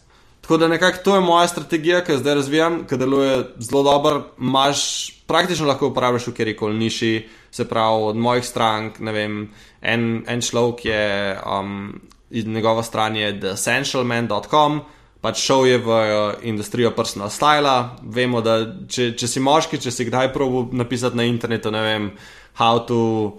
Ne vem, how to buy a sweater ali karkoli povezano s personal stylom, like what's a business casual style vedno dobiš full shitty contenta, ki ti pol, ne vem, dve, tri uri iščeš in na koncu si bolj zmeden, ker je full contradictive advice. Ampak recimo ta moj kolega um, piše Ultimate Guide o tem, ne vem, kako najti dober leather jacket ali pa o tem, kako narediti. Essentials, essential Summer Style Guide ali pa Fall and Winter Style Guide. In tam res piše, ok, to so trije dobri leather jacketi, to so trije dobri plašči, zato pa to, pa to zbereš tak plašč, ne tak, to so detajli, ki moraš gledati. In pač je delež najboljši piece of content na internetu na tem področju, in s tem si on zbil, recimo, zelo dober styling biznis, ki ga drugače ne bi mogel. Pa imam ljudi, ki so, vem, razni celebrity make-up artisti, ki hočejo ljudi naučiti, kako zaslužiti pač denar s tem, da si make-up artist. Kako dejansko so stvari v industriji, medtem kako so drugačne od tega, kako pač ljudje razmišljajo zdaj. Um, in podobno, in podobno. Se pravi, point je, če pišeš nek blog, če boš danes samo pisal endless blog poste, to ni več dost. Pač je koristno, da kak blog post napišeš vsake dolg časa, ampak še posebej, če noben ne ve, kdo si, pa si res dober na, na nekem področju, pač če narediš ta Ultimate Guide, boš dobil dost več pozornosti, kot če pišeš običajne blog poste. In zato, ker bojo ljudje to res opazili, lahko pa dobiš tudi razne influencerje, da šerajo tvoj guide in si zelo hitro zbildaš audience, zelo hitro zbildaš customer base na mesto, da pišeš nek blog leta in leta in leta in pol upaš, da boš nekaj uspešen. Kdo vidim, da dan danes ljudje pač nočejo, nočejo pisati blog postov vsak dan ali pa vsak teden, ali pa če jih dejansko ne dobijo rezultatov, ki jih pričakujejo. Tako da lahko imaš pay traffic, če imaš full denarja, lahko investiraš v Facebook ads, lahko se pač izobražeš na SEO, ampak vse pravim, like, skozi več in več in več tega konta je, če hočeš biti res dober in dominirati svoj trg, moš postati nekak go-to resource za tvoje stranke v tvoji niši. Se pravi, recimo, moj primer, Ultimate Guide. Pač jaz mislim, da noben na internetu dejansko ne govori tako podrobno o Ultimate Guidih, kot jaz govorim. Najdel sem neko zelo specifično nišo in sem rekel, lej, na tem bom naredil prvič najboljši free content o Ultimate Guidih in pač tudi najboljši online kurs, ki ga zdaj ponujam o Ultimate Guidih, ker je pa cel pač 14-tedenski program kjer pač ljudi hodim čez cel proces o tem, kako oni lahko naredijo Ultimate Guide. Se pravi, to je nekako moj biznis, pač v osnovi je, le, če imaš biznis, ki bi lahko dobil več strank prek spleta, pol so Ultimate Guide zelo dober način v današnjem svetu. Da dobiš svoj strank. Je pa pač za take ljudi, ki so mal crazy, ki so dejansko pripravljeni pisati te, ne vem, 10, 20, 25 tisoč um, besed dolge poste, ker le, večina ljudi enostavno ni pripravljenih vložiti truda, ker to traja tedne ali pa celo mesece, da narediš en piece of content na to foro. In večina ljudi tega ne naredila, kar je super, ker je advantage za tiste, ki so pripravljeni vložiti trud. Ker to pa dejansko, pač le, industrija se je prilagodila na to, da pač niso pisali 500 besed dolgih postov, da so pisali 2000 besed dolge poste, ker je to vzame par ur, mogoče napišeš post. Ampak pisati res dobre ultimate guide, To se pravi, traja tedne in večina ljudi enostavno ni pripravljenih to narediti, zato bo to vedno nek, nek advantage pač, um, pred kompeticijom. Uh mhm.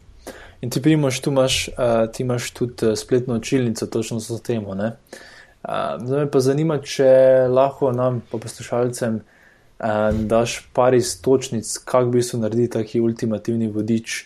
Torej, mogoče začnemo s tem, kako sploh najti temo sicer mislim, da smo to že malo omenili prej v pogovoru z, z strankami. Uh, torej, od teme pa do tega, kako promovirati ultimativni vodič. Ja, mislim, pač začneš vedno s temo. Zdaj, najlažji način, mogoče celo najlažji način za najti eno res dobro temo je, da pogledaš, kaj, kaj v tvoji industriji trenutno že trenda, pač kaj so popularni topiki, kaj so topiki, o katerih ljudje ful govorijo. Recimo, mogoče je Bitcoin je še vedno en topik, ki je zelo, zelo vroč in pač še vedno ljudje skozi govorijo o njem. Tako da neki, kot ne vem, Ultimate Guide o Bitcoinu, bi dejansko bila po mojem dosti dobra ideja za ljudi. Um, pa mislim, da se zdaj ta blockchain tudi zelo, zelo popularen ratuje. Tako da to je recimo nekaj, o čemer bi, bi lahko napisal Ultimate Guide, ker večina ljudi, ki bo pač pogooglala, ne vem, what is blockchain, ne vem, ali pa what is Bitcoin, ljudje bo še vedno to googlali. In ljudi pač še vedno to zanima, in bojo najdel full contenta, ki pa pač ne bo imel vseh odgovorov na vsa vprašanja od, svoj, od tvojih potencialnih strank. In če ti narediš najboljši piece of content, enostavno ti postaneš tisti ekspert, od katerega stvari bojo brali. Se pravi, ok, lahko imaš pač Bitcoin ali kaj podobnega. Um, drugi primeri. Pač moraš najti nekaj, kar, kar je zelo popularno v tvoji industriji. Recimo v fitnessu so zihar kakšne nove popularne diete, ki ratujejo fulbol popularne. In če najdeš nekaj, kar je zelo popularen in pač narediš research in ugotoviš, kako vse stvari delujejo, lahko spet napišeš ta najboljši piece of content na to področje. Ampak mora biti nekaj, kar je ali že popularno. Ali pa mora biti nek problem, ki ga ljudje imajo, pa jim ga noben ne rešuje. Recimo, binge eating, po mojem, deluje dosti dobro, zaradi tega, ker dejansko noben pač res dobro tega ne adresa. Pač imajo neke večina kontenta na, na to temo je dosti širi. Dober znak je, če o tej temi, o kateri hočeš govoriti, full veliko kontenta že napisanega, um, pa ni neki full dober kontent. Ker to pomeni, da demand je že tam, samo verjetno noben res ne rešuje dobro teh problemov. Pač imamo tudi primere od ljudi, ki so kakšni dobri ultimate guidi. Recimo ena, ena stranka piše guide o um, community managementu, to je nekaj, kar dosti ljudi zanima, pa zelo malo dobrega konta pač je na to temo, pač je kontent, sem ni dobrega konta. Pol, um, recimo ta make-up, celebrity make-up artist, pač o make-upu je dost povprečnega konta, je dost kontenta, je dost YouTube tutorialov, ampak spet ni nekega ultimativnega resursa, ki bi ti s tem stvarmi pomagal. Um, pa imamo eno, eno žensko, ki piše o tem, how to write a children's book, to je spet ena niša, njena niša moj prvi Ultimate Guide je bil v bistvu za poker playerje, um, kako postati bolj produktivni. To je bilo recimo, vedel sem, da je produktivnost zelo pomembna za večino ljudi, vedel sem pa, da noben ne piše o tem za poker playerje, zato sem videl, ok, to so ljudje. To je nekako nek audience, ki ni srvang dober, tako da grem jaz s njim pomagati. In pol je ta gaj totalno eksplodiral in mislim, da je bil pre, preveden v sedem jezikov, več kot 200-300 jurjev ljudi je dejansko videl ta guide to mi je pomagalo zgraditi biznis in podobno. Se pravi, lahko pač najdeš en problem, ki ni rešen, lahko najdeš nek trending topic, lahko pa najdeš nek audience, ki ima nek problem, pa noben specifično njim ne rečuje tega problema. Se pravi, to je poker audience za mene. Imam kolega, spet eno od mojih strank, ki piše o tem online marketingu, pa e-mail marketingu, pa Facebook advertisingu. Ampak, če bi samo pisal o tem, bi zelo težko se postavil kot ekspert ampak si je zbral za nišo razne yoga pa fitness studije, ki imajo te skupinske vadbe. In dejansko postal, postal, pač je postal go-to expert na tem področju, in v zadnjih, ne vem, petih, šestih mesecih je šel iz tega, da računa, ne vem, tisoč dolarjev na projekt, pa da je imel eno stranko, da računa 14 tisoč dolarjev na projekt, pa ima pet ali šest strank in dobuje še nek full-time job dodatno iz tega. Tako da moraš pač najti ali nek trending topic, ali nek problem, ki ni rešen za ljudi, ali pa nek audience, ki ima problem, ki ni, ni dobro srvan. Nekako s tem lahko začneš, um, kar se tiče validacije ideje. Je to, je to približen kler? Je. Um, gremo na naslednji korak. Uh, zanima me, kaj je potem. Ali da imamo mogoče validirati? Torej, kako ti validiraš idejo, preden začneš pisati? Uh, ta cel ultimativni vodič, ker predvidevam, da to toliko časa vzame, da bi rad predtem bil pripričan, da ima smisel vložiti to čas. Ne? Ja, ok, um, validiraš na več načinov. Se pravi, prva stvar, če, če veš, da je topik full training pa popularen, ga načeloma ne rabiš neki full validirati, ker že tako lahko vidiš, da se ljudje full pogovarjajo o tem.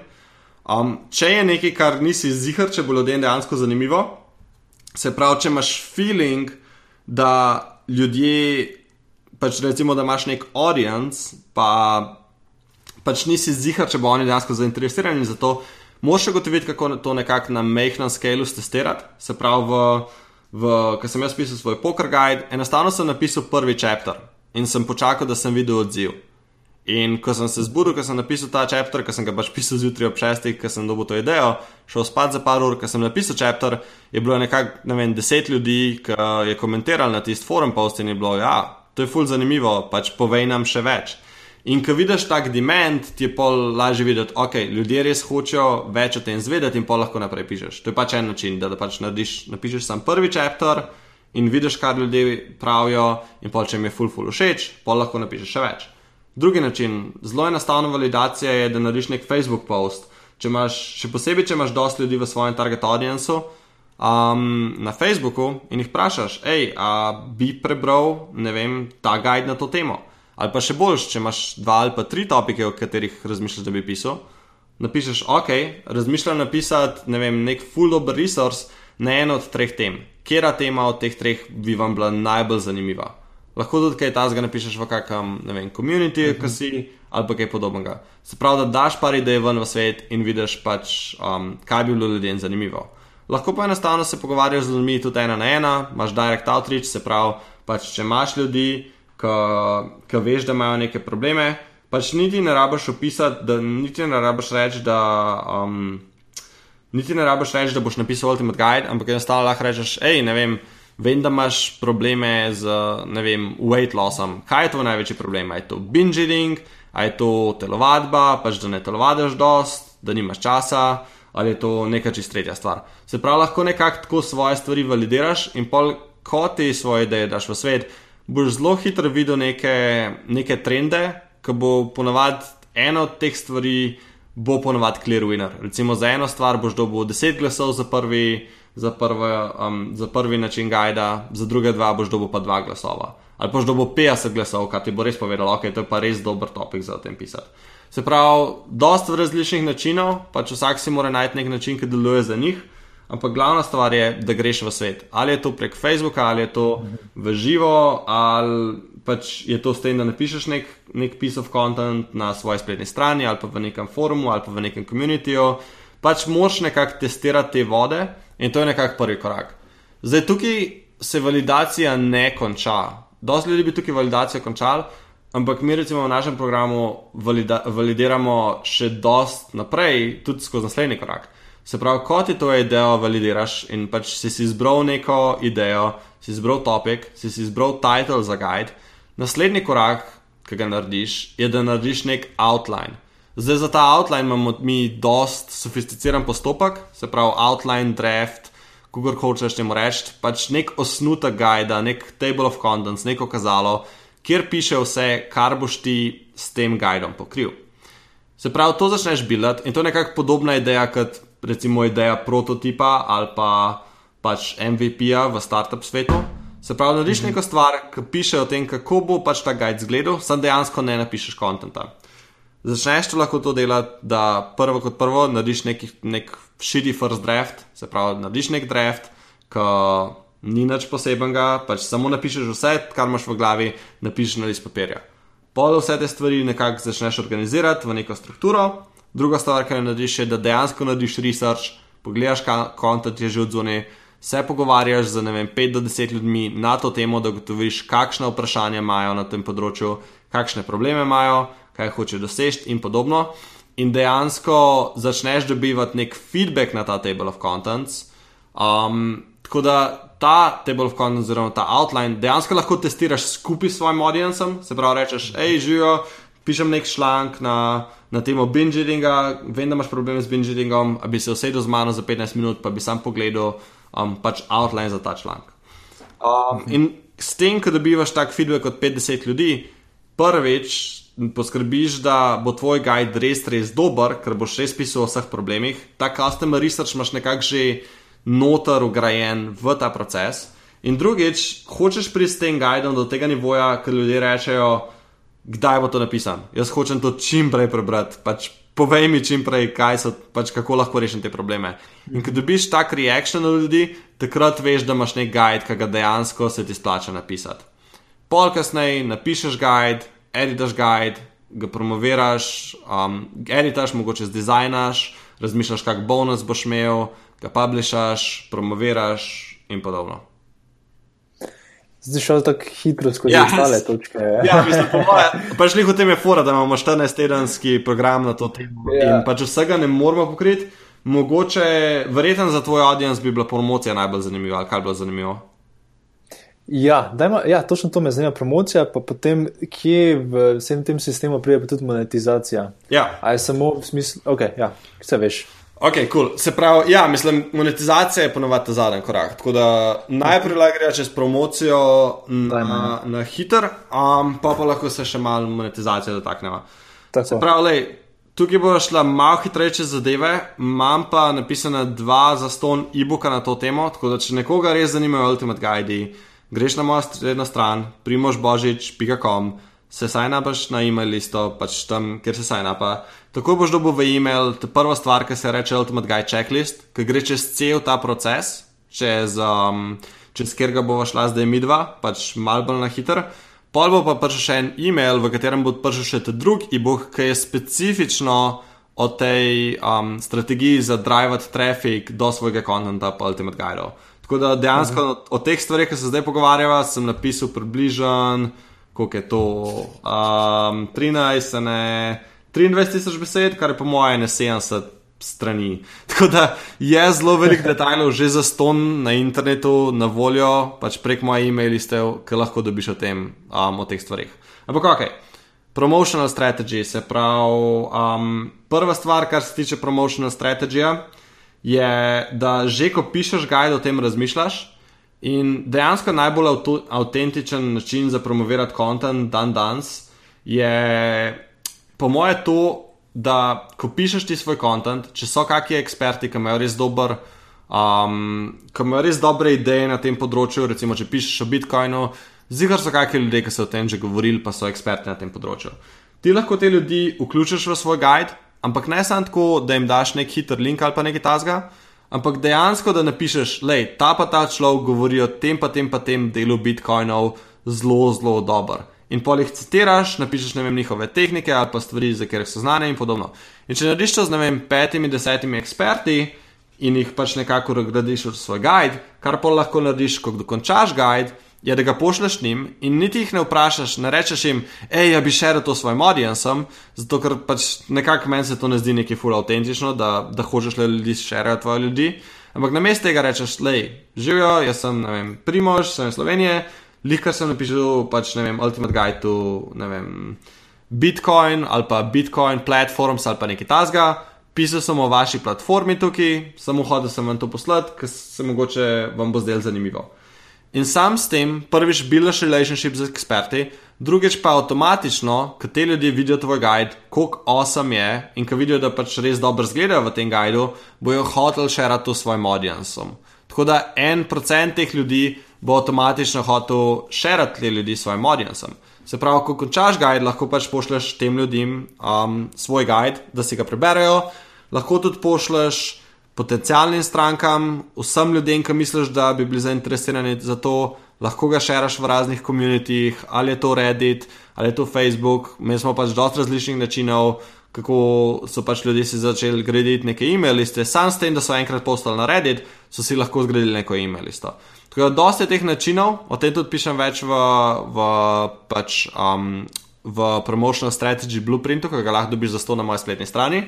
Ampak nekako namen je, da potem, ko publishaš guide, res pišeš vsem ljudem in sam poveš, da je ta guide na voljo, ali so to prijatelji, ali je to target audience pač ljudi, ki bi jih ta stvar dejansko zanimala, zato da daš ta guide v svet. Greš čez komunite in podobno. Ja. Temu se reče viral week strategy, ker dejansko potem lahko dosežeš nek viral efekt, ko vsi ljudje začnejo o tem govoriti.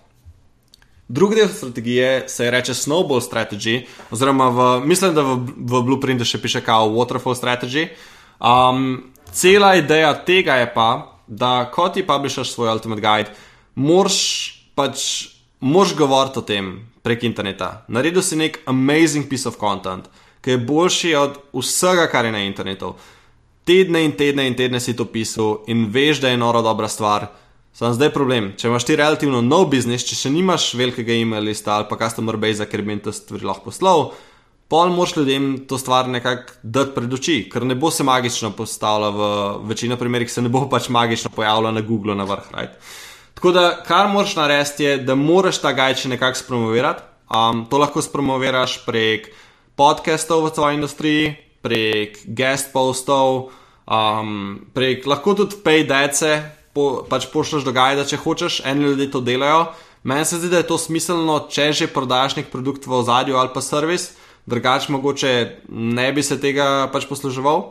Ampak pol nekako uporabljaš stvari, kot so guest posti, podcasti, to, da omeniš svoj guide v pač kontentu, ki ga narediš v prihodnosti in podobno. Se pravi, vsaka situacija, kjer je smiselno govoriti o tvojem guidu, govoriš. Zdaj, mogoče, mogoče na malce bolj meta nivoju, lahko pogledaš tudi ta podcast. Pač jaz sem omenil tri svoje guide: Quick Guide to Striving Yourself to Successful People, Conference Guide, Ultimate Guide Checklist, pa še ta Promotional Strategy Blueprint. To je vse bilo v kontekstu. Ni bilo tako, da bi jaz rekel: Ja, preberite ta guide, preberite ta guide. Pač omenil sem. In če bo ljudem zanimivo, bojo šli pogledat. Noben ga ne bom silil, da gre tega pogledat, ampak enostavno, če hočeš, da ljudje vejo, kar si ti naredil, pač moraš iti na te podcaste, moraš iti ven iz svojega bloga, da te stvari promoviraš. In pa spet, zaradi tega, ker si naredil stvari, ki so res awesome, te res awesome guide, te ne bo nikoli problem o tem govoriti, in ker so res neki amazing resursi, ne pa samo eni mehni blog posti. Pač mal bi bilo čuden, če bi rekel, ja, ne vem, če hočeš več tvest, vedeti več o konferencah, preber ta blog post 500 besed dolgo o konferencah. Pač neš koristen ga ne boš tam dolgo, a veš. Če imam pa nek guide, ki je res dolg 25.000 besed, je pa to dosti bolj koristno in tudi nekaj, česar ne morva, pač ne morva vsem tem se pogovarjati med podcastom, lahko pač glavne ideje pokrijeva, ampak čase so, da bojo ljudje hoteli pač več zvedeti in pol pogledati tvoj guide. Isto stvar lahko narediš z pač vsemi svojimi guidi, ki jih napišeš za svoj audience. In tudi nekako long-term strategije, da ne narediš samo en guide, ampak narediš nekak, neke vrste guide library, ker so različni guidi na različnih topikih in pol imaš več stvari, o katerih lahko govoriš, in pol pač tudi več ljudi lahko s tem capturaš. Zato je nekako promotional strategy, omenil si monetizacijo, kaj točno te zanima. Mhm. Torej, za nekoga, ki je čisto na začetku, rečemo, da ima, pa rečemo, da je nek osebni bloger, ne. Ja. Da niti nima podjetja, pa da še nima to hodjenja, pa zdaj napiše svoj prvi ultimativni vodič za karkoli. Uh, kaj je potem za njega, potem tu monetizacija? Okay. Zdaj, nek, ja, zdaj nekaj bom rekel. Ne? Um, je razlika med blogom in biznisom. Če ti sam nekaj blogaš, samo zaradi razloga, da nekaj blogaš, to pač ni biznis. To je pač blog, to je hobi, kul. Cool. Če hočeš ti nek biznis graditi, moraš biti dober v tem, kar delaš. Jaz sem bil relativno dober v produktivnosti, glede na ostale pokrigralce ker sem pač prebral več knjig in pač testiral te stvari in podobno. Jaz sem relativno dober, oziroma zelo, zelo, zelo dober v pisanju Ultimate Guidov, ker sem 6, 7, 8 Ultimate Guidov napisal v zadnjih, ne vem, parih letih, kar je 100 tisoč besed. In tudi sem pač refinil ta proces kreiranja guidov, dobrega konta in podobno. Ljudje, ki recimo delajo z mano, večinoma so res dobri v tem, kar delajo. Ali je celebrity make-up artist, to pomeni, da dela z ljudmi, kot so Brad Pitt in je res en, ne vem, top 10 make-up artistov v, v Ameriki in podobno. Tako da, če laufaš nek biznis, ni pač iskreno povedano, moje mnenje je, da ni dosti, da narediš samo neko certifikacijo za nek, za nek fitness program ali whatever in pol hočeš full denarja zaslužiti ali pa full nek biznis narediti. Pač moraš biti dober v tem, kar delaš. Pač moraš si zaslužiti to da lahko nek biznis gradiš, moraš uložiti delo v to in podobno. In tudi, da ne pišeš Ultimate Guide, moraš biti res dober v tem, kar delaš, da ga lahko sploh napišeš. Zato mogoče ni ta topik tako relevanten vsem ljudem, ampak če se ti počutiš, da si ekspert, pa da enostavno dosti ljudi ne ve, koliko si ti dober v tem, pol je Ultimate Guide dober primer. Ampak ok, recimo, da imaš idejo o Ultimate Guideu. Jo napišeš, imaš nek blog, recimo imaš nek spletno stran, kjer jo lahko objaviš, in si res dober v tem, kaj delaš. Okay. Se pravi, lahko napišeš ta Ultimate Guide, ki bo res dober, zaradi tega, ker si ekspert, ker boš uporabil ta proces za pisanje guidov, ker boš naredil dober outline, ker ga boš testiral. Res napišeš zelo dober piece of content. Kar se pa zgodi, čim ti publikaš ta guide in ga začneš promovirati, tudi če ti nimaš neke strategije za monetizacijo, kar se zna zgoditi, kar se v bistvu zelo redno zgodi z mojimi strankami in v moji situaciji, če si zadev nek trending topic če si napisal dober guide, če si res pokazal svoj ekspertiz, kar se bo zgodilo, je, da ljudje bojo hoteli več o tebi zvedeti. In eni ljudje bojo mogoče pač hoteli samo brati tvoj blog v prihodnosti, eni ljudje bojo pa rekli, hej, jaz imam ta problem, a mi ga lahko zdaj rešiš. Recimo, če napišeš nek ultimate guide v slovenščini um, o fitnessu, pa res pišeš o, ne vem, neki dieti, ki res ni dobro pokrita in se ti pač pozicioniraš kot nek ekspert v tej dieti. In imaš ljudi v audiencu, okay, kak podjetnik, ki tako začne brati tvoj guide, pa piše, o, pa vidi, o, ne vem, pač full dobro ta guide, ampak mogoče niti nimam časa, da bi vse to prebral. Da bom jaz tega človeka kontaktiral, pa mogoče mi lahko pač osebno s tem pomaga. Iz tega pa dobiš prve stranke, ker imaš ljudi, lahko ljudi za coaching, consulting, freelance work. Isto recimo, če, če pišeš o ne vem, um, kakem programiranju ali pa kaj, pa nekdo išče programerja, bo najdel tvoj guide bo videl, da on je pa ekspert v, ne vem, Rubiju. Bom jaz njega najel kot programerja, na mest enega drugega rejnega programerja, ker vidim, da je res ekspert na tem področju. Tako da, kar se zla zgodi, kar se zelo redno dogaja, je, da ljudje bojo prišli do tebe in bojo rekli, jaz bi rad delal s tabo. To se je meni zgodilo prvo pokro, to se zgodi dosti mojim strankam, recimo ta kolega, ki piše e-mail marketing, pa marketing za fitness, yoga studije. On sploh ni rabo nič ponuditi ljudem. Oni so prišli do njega in so rekli, a bi nam ti pomagal z našim biznisom. To je pač beauty ultimate guide, da ki si dosti dobro v tem, ljudje ti dejansko bojo pisali in bo rekel, kako lahko začneš s tabo delati. Um, če pa pol hočeš, pač še posebej nekaj zmonetizirati, če ti pač ni dosto, kar ti ne bi smel biti dosti, če si biznis owner. Pol pač, ko imaš nek ultimate guide, ko začneš buildati email listo, ko imaš ljudi, ki so zainteresirani, imaš več opcij za monetizacijo, lahko narediš pač nek online kurs ali kako se reko spletna učilnica, um, spletni tečaj, lahko narediš, um, pač ponudiš nek freelancing pakete, neke coaching pakete, neke consulting pakete. Kako to narediš, imaš zelo veliko različnih načinov. Ali najbolj enostaven način je, da enostavno pišeš svoje e-mail listi in pač rečeš, da čez naslednji teden bom se s par ljudmi pogovarjal in jim bom dal za ston na svete na tem pa tem pa tem področju. In pač dobiš ljudi noter, se za eno uro pogovarjaš, jim na svet, daš na svete in pol na koncu kola jim lahko tudi domeniš, hej, če bi rad imel več takih pogovorov, če bi rad, da ti bolj pomagam, pač lahko se tudi um, zmenjava za kak pač paid cooperation. Zdaj, če cel ta proces id, bo, ne vem, če imamo dovolj časa. Ne, se to že, že uriše, te razdevo. Ja, ampak dober, dober resurs za to je recimo prebrati. Če te zanima, kaj coaching, consulting, kaj tasga, um, dober resurs je Prosperous Coach, knjiga od Steve Chandler pa Rich Litvin, full obra knjiga, spet na Amazonu, 10-15 dolarjev, whatever.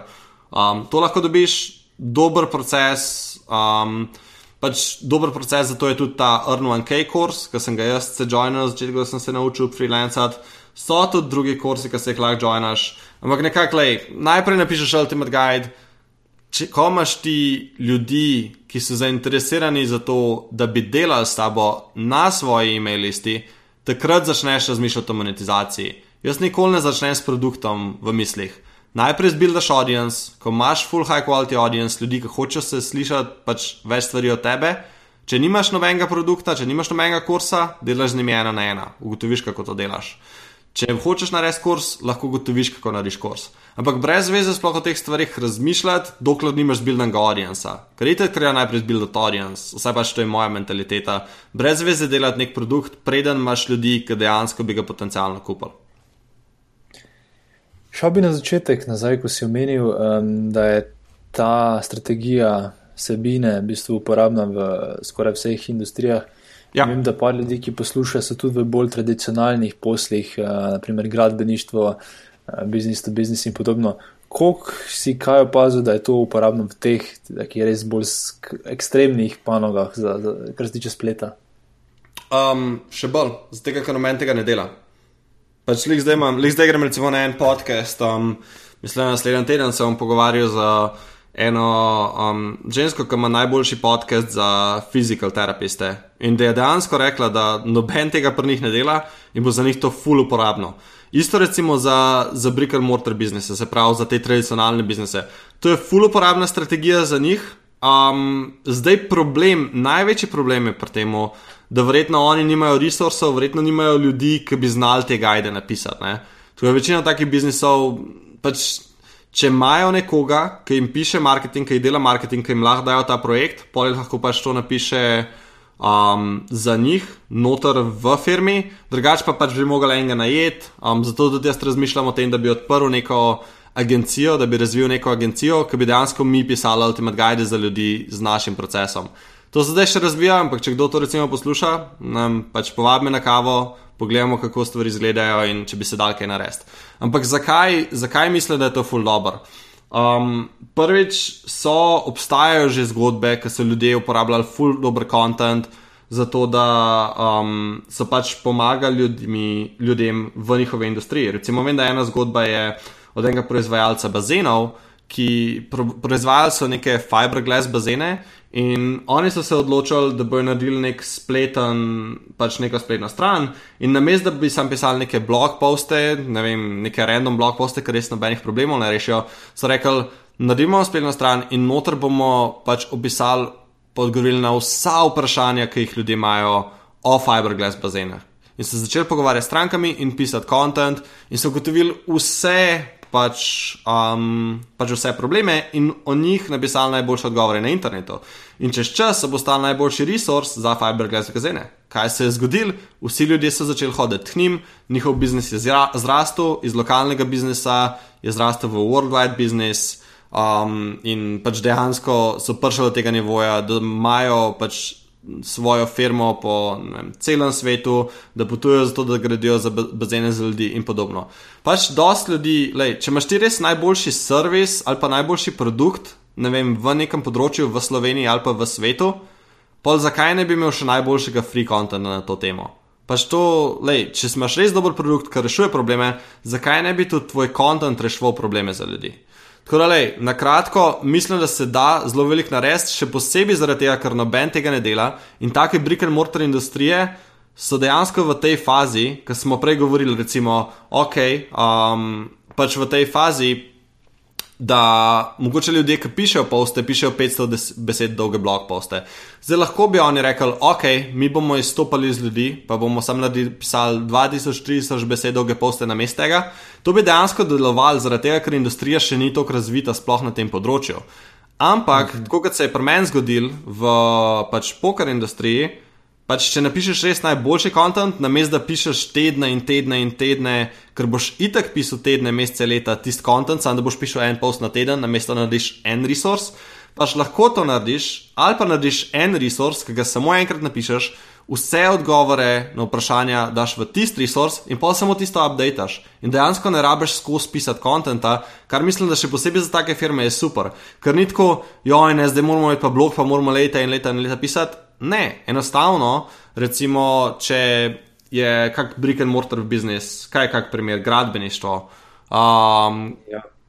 to, to bi bilo zanimivo. Pač mogo bi ugotoviti, kaj so njihove stranke. Recimo, če bi jaz celoto tega problema šel bi noter v firmo, ugotovil bi, kdo so njihove stranke, kakšne probleme imajo, kakšne vprašanja imajo kakšne pač, um, koncerne imajo prek tem, da bi sploh delali s firmo, ampak kakšne vprašanja sploh imajo, kakšne stvari jih zanimajo. In pa bi začel belati neke resurse za različne projekte.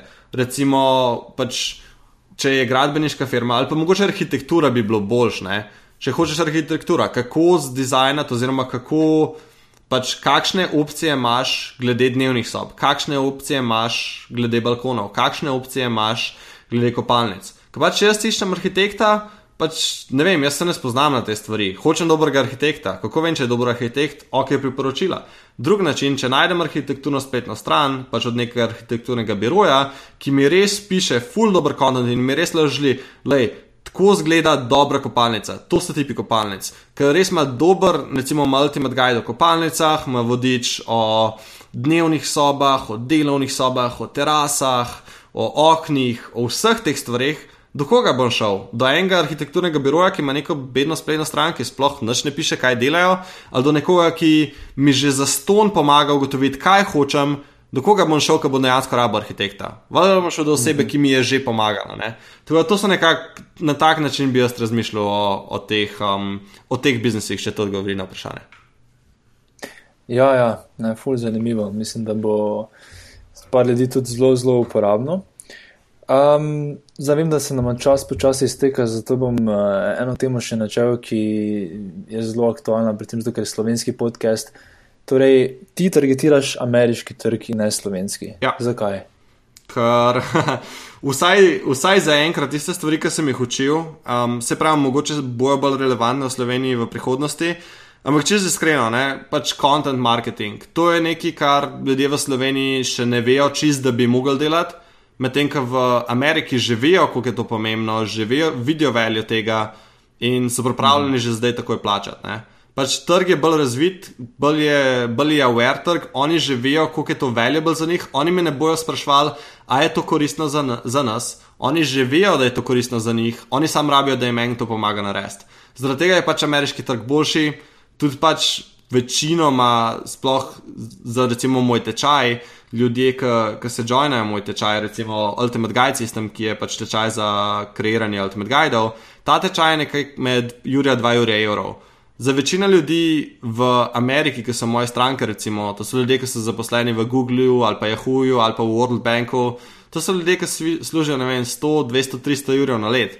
Za njih Jurija 2 urja ni velik denar. Za večino ljudi, ki v Sloveniji, sta to dve mesečni plači.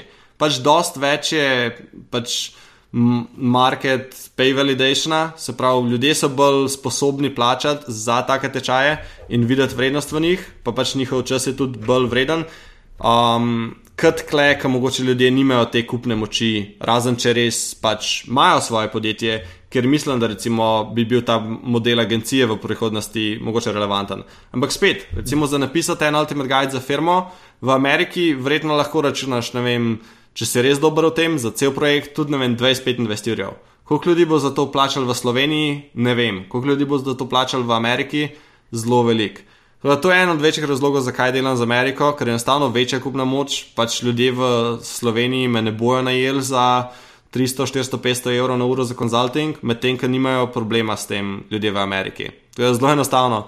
Večji market je tam, bolj pripravljen je plačati in zelo veliko več ljudi lahko dosežem. Pač zato nimam bloga v slovenščini, ker vem, da pač imam ideje, ki jih morajo slišati. Ampak če bi pisal v slovenščini, koliko ljudi bo to dejansko prebralo? 100, tisoč, deset tisoč, mogoče prek celega sveta, sto tisoč, milijone.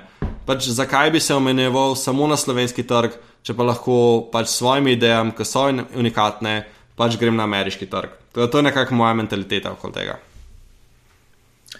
Um, ja, to razumem. Večji trg je uh, bolj privlačen, ampak dosti ljudi, oziroma poslušalcev, verjetno zdaj razmišlja. Pač po eni strani je dosti bolj močen trg, po drugi strani pa je tudi konkurenca dosti večja. Ja. Um, kako si uspel potem to konkurenco premagati? Ja, mislim, da, tem, da, da najdeš neko nišo. Ne? Pač, lej, ko, ko ljudje iščejo niše, um, to je lahko tudi niša, da ti delaš z ljudmi v Sloveniji. Recimo, čist možno bi bilo narediti specifično firmo, ki se fokusira na content marketing za slovenske firme.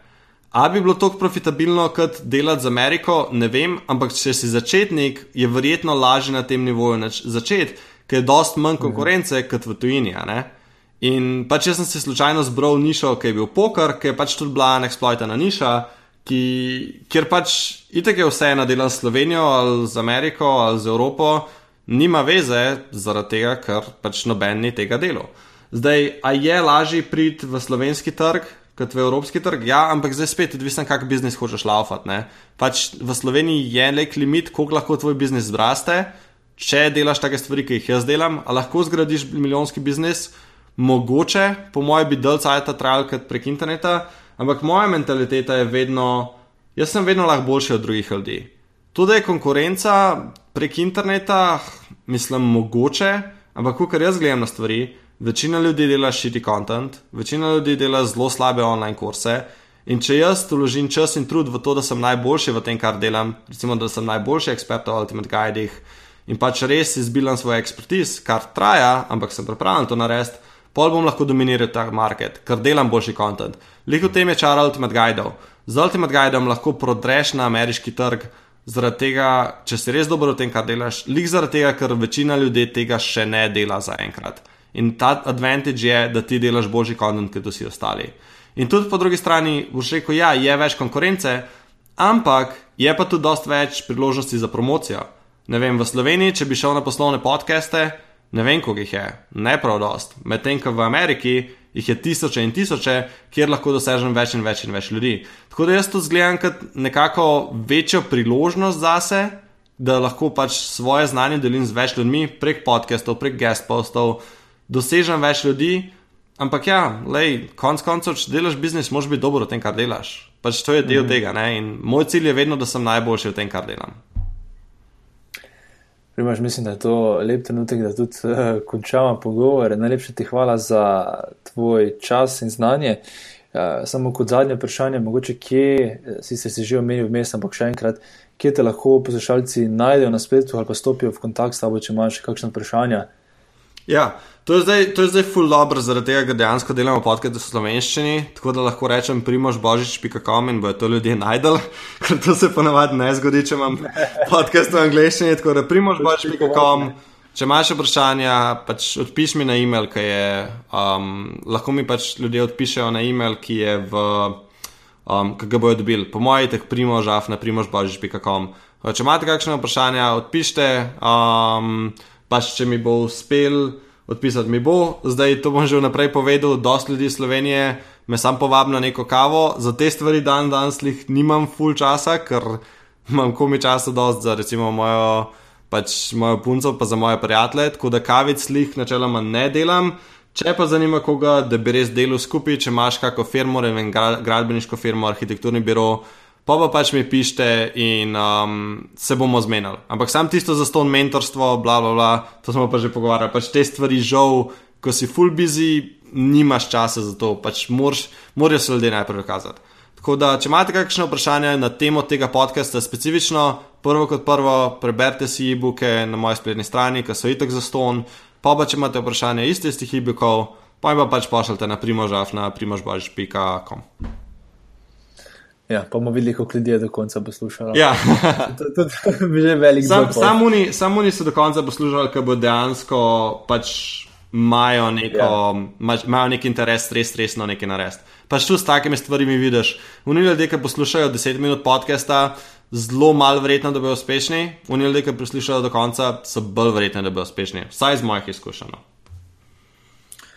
Tako, primer, še, hvala še enkrat um, za tvoj čas. Seveda, ni zakaj. Tako, to je vse v današnji epizodi. Če ti podcast za kulise všeč, te vabim, da se prijaviš na mailing listu na zakulisi.com, da boš obveščen ob objavi naslednje epizode. A ja, pa hvala vsem, ki ste oddali ocene in komentarje na iTunesu. Za tiste, ki pa še tega niste naredili, vas vabim, da mi tako pomagate razširiti besedo o tem projektu, saj z vsako oceno in komentarjem iTunes boljše nagira podcast in ga potem lahko odkriješ več ljudi. Hvala še enkrat in se slišimo v kratkem.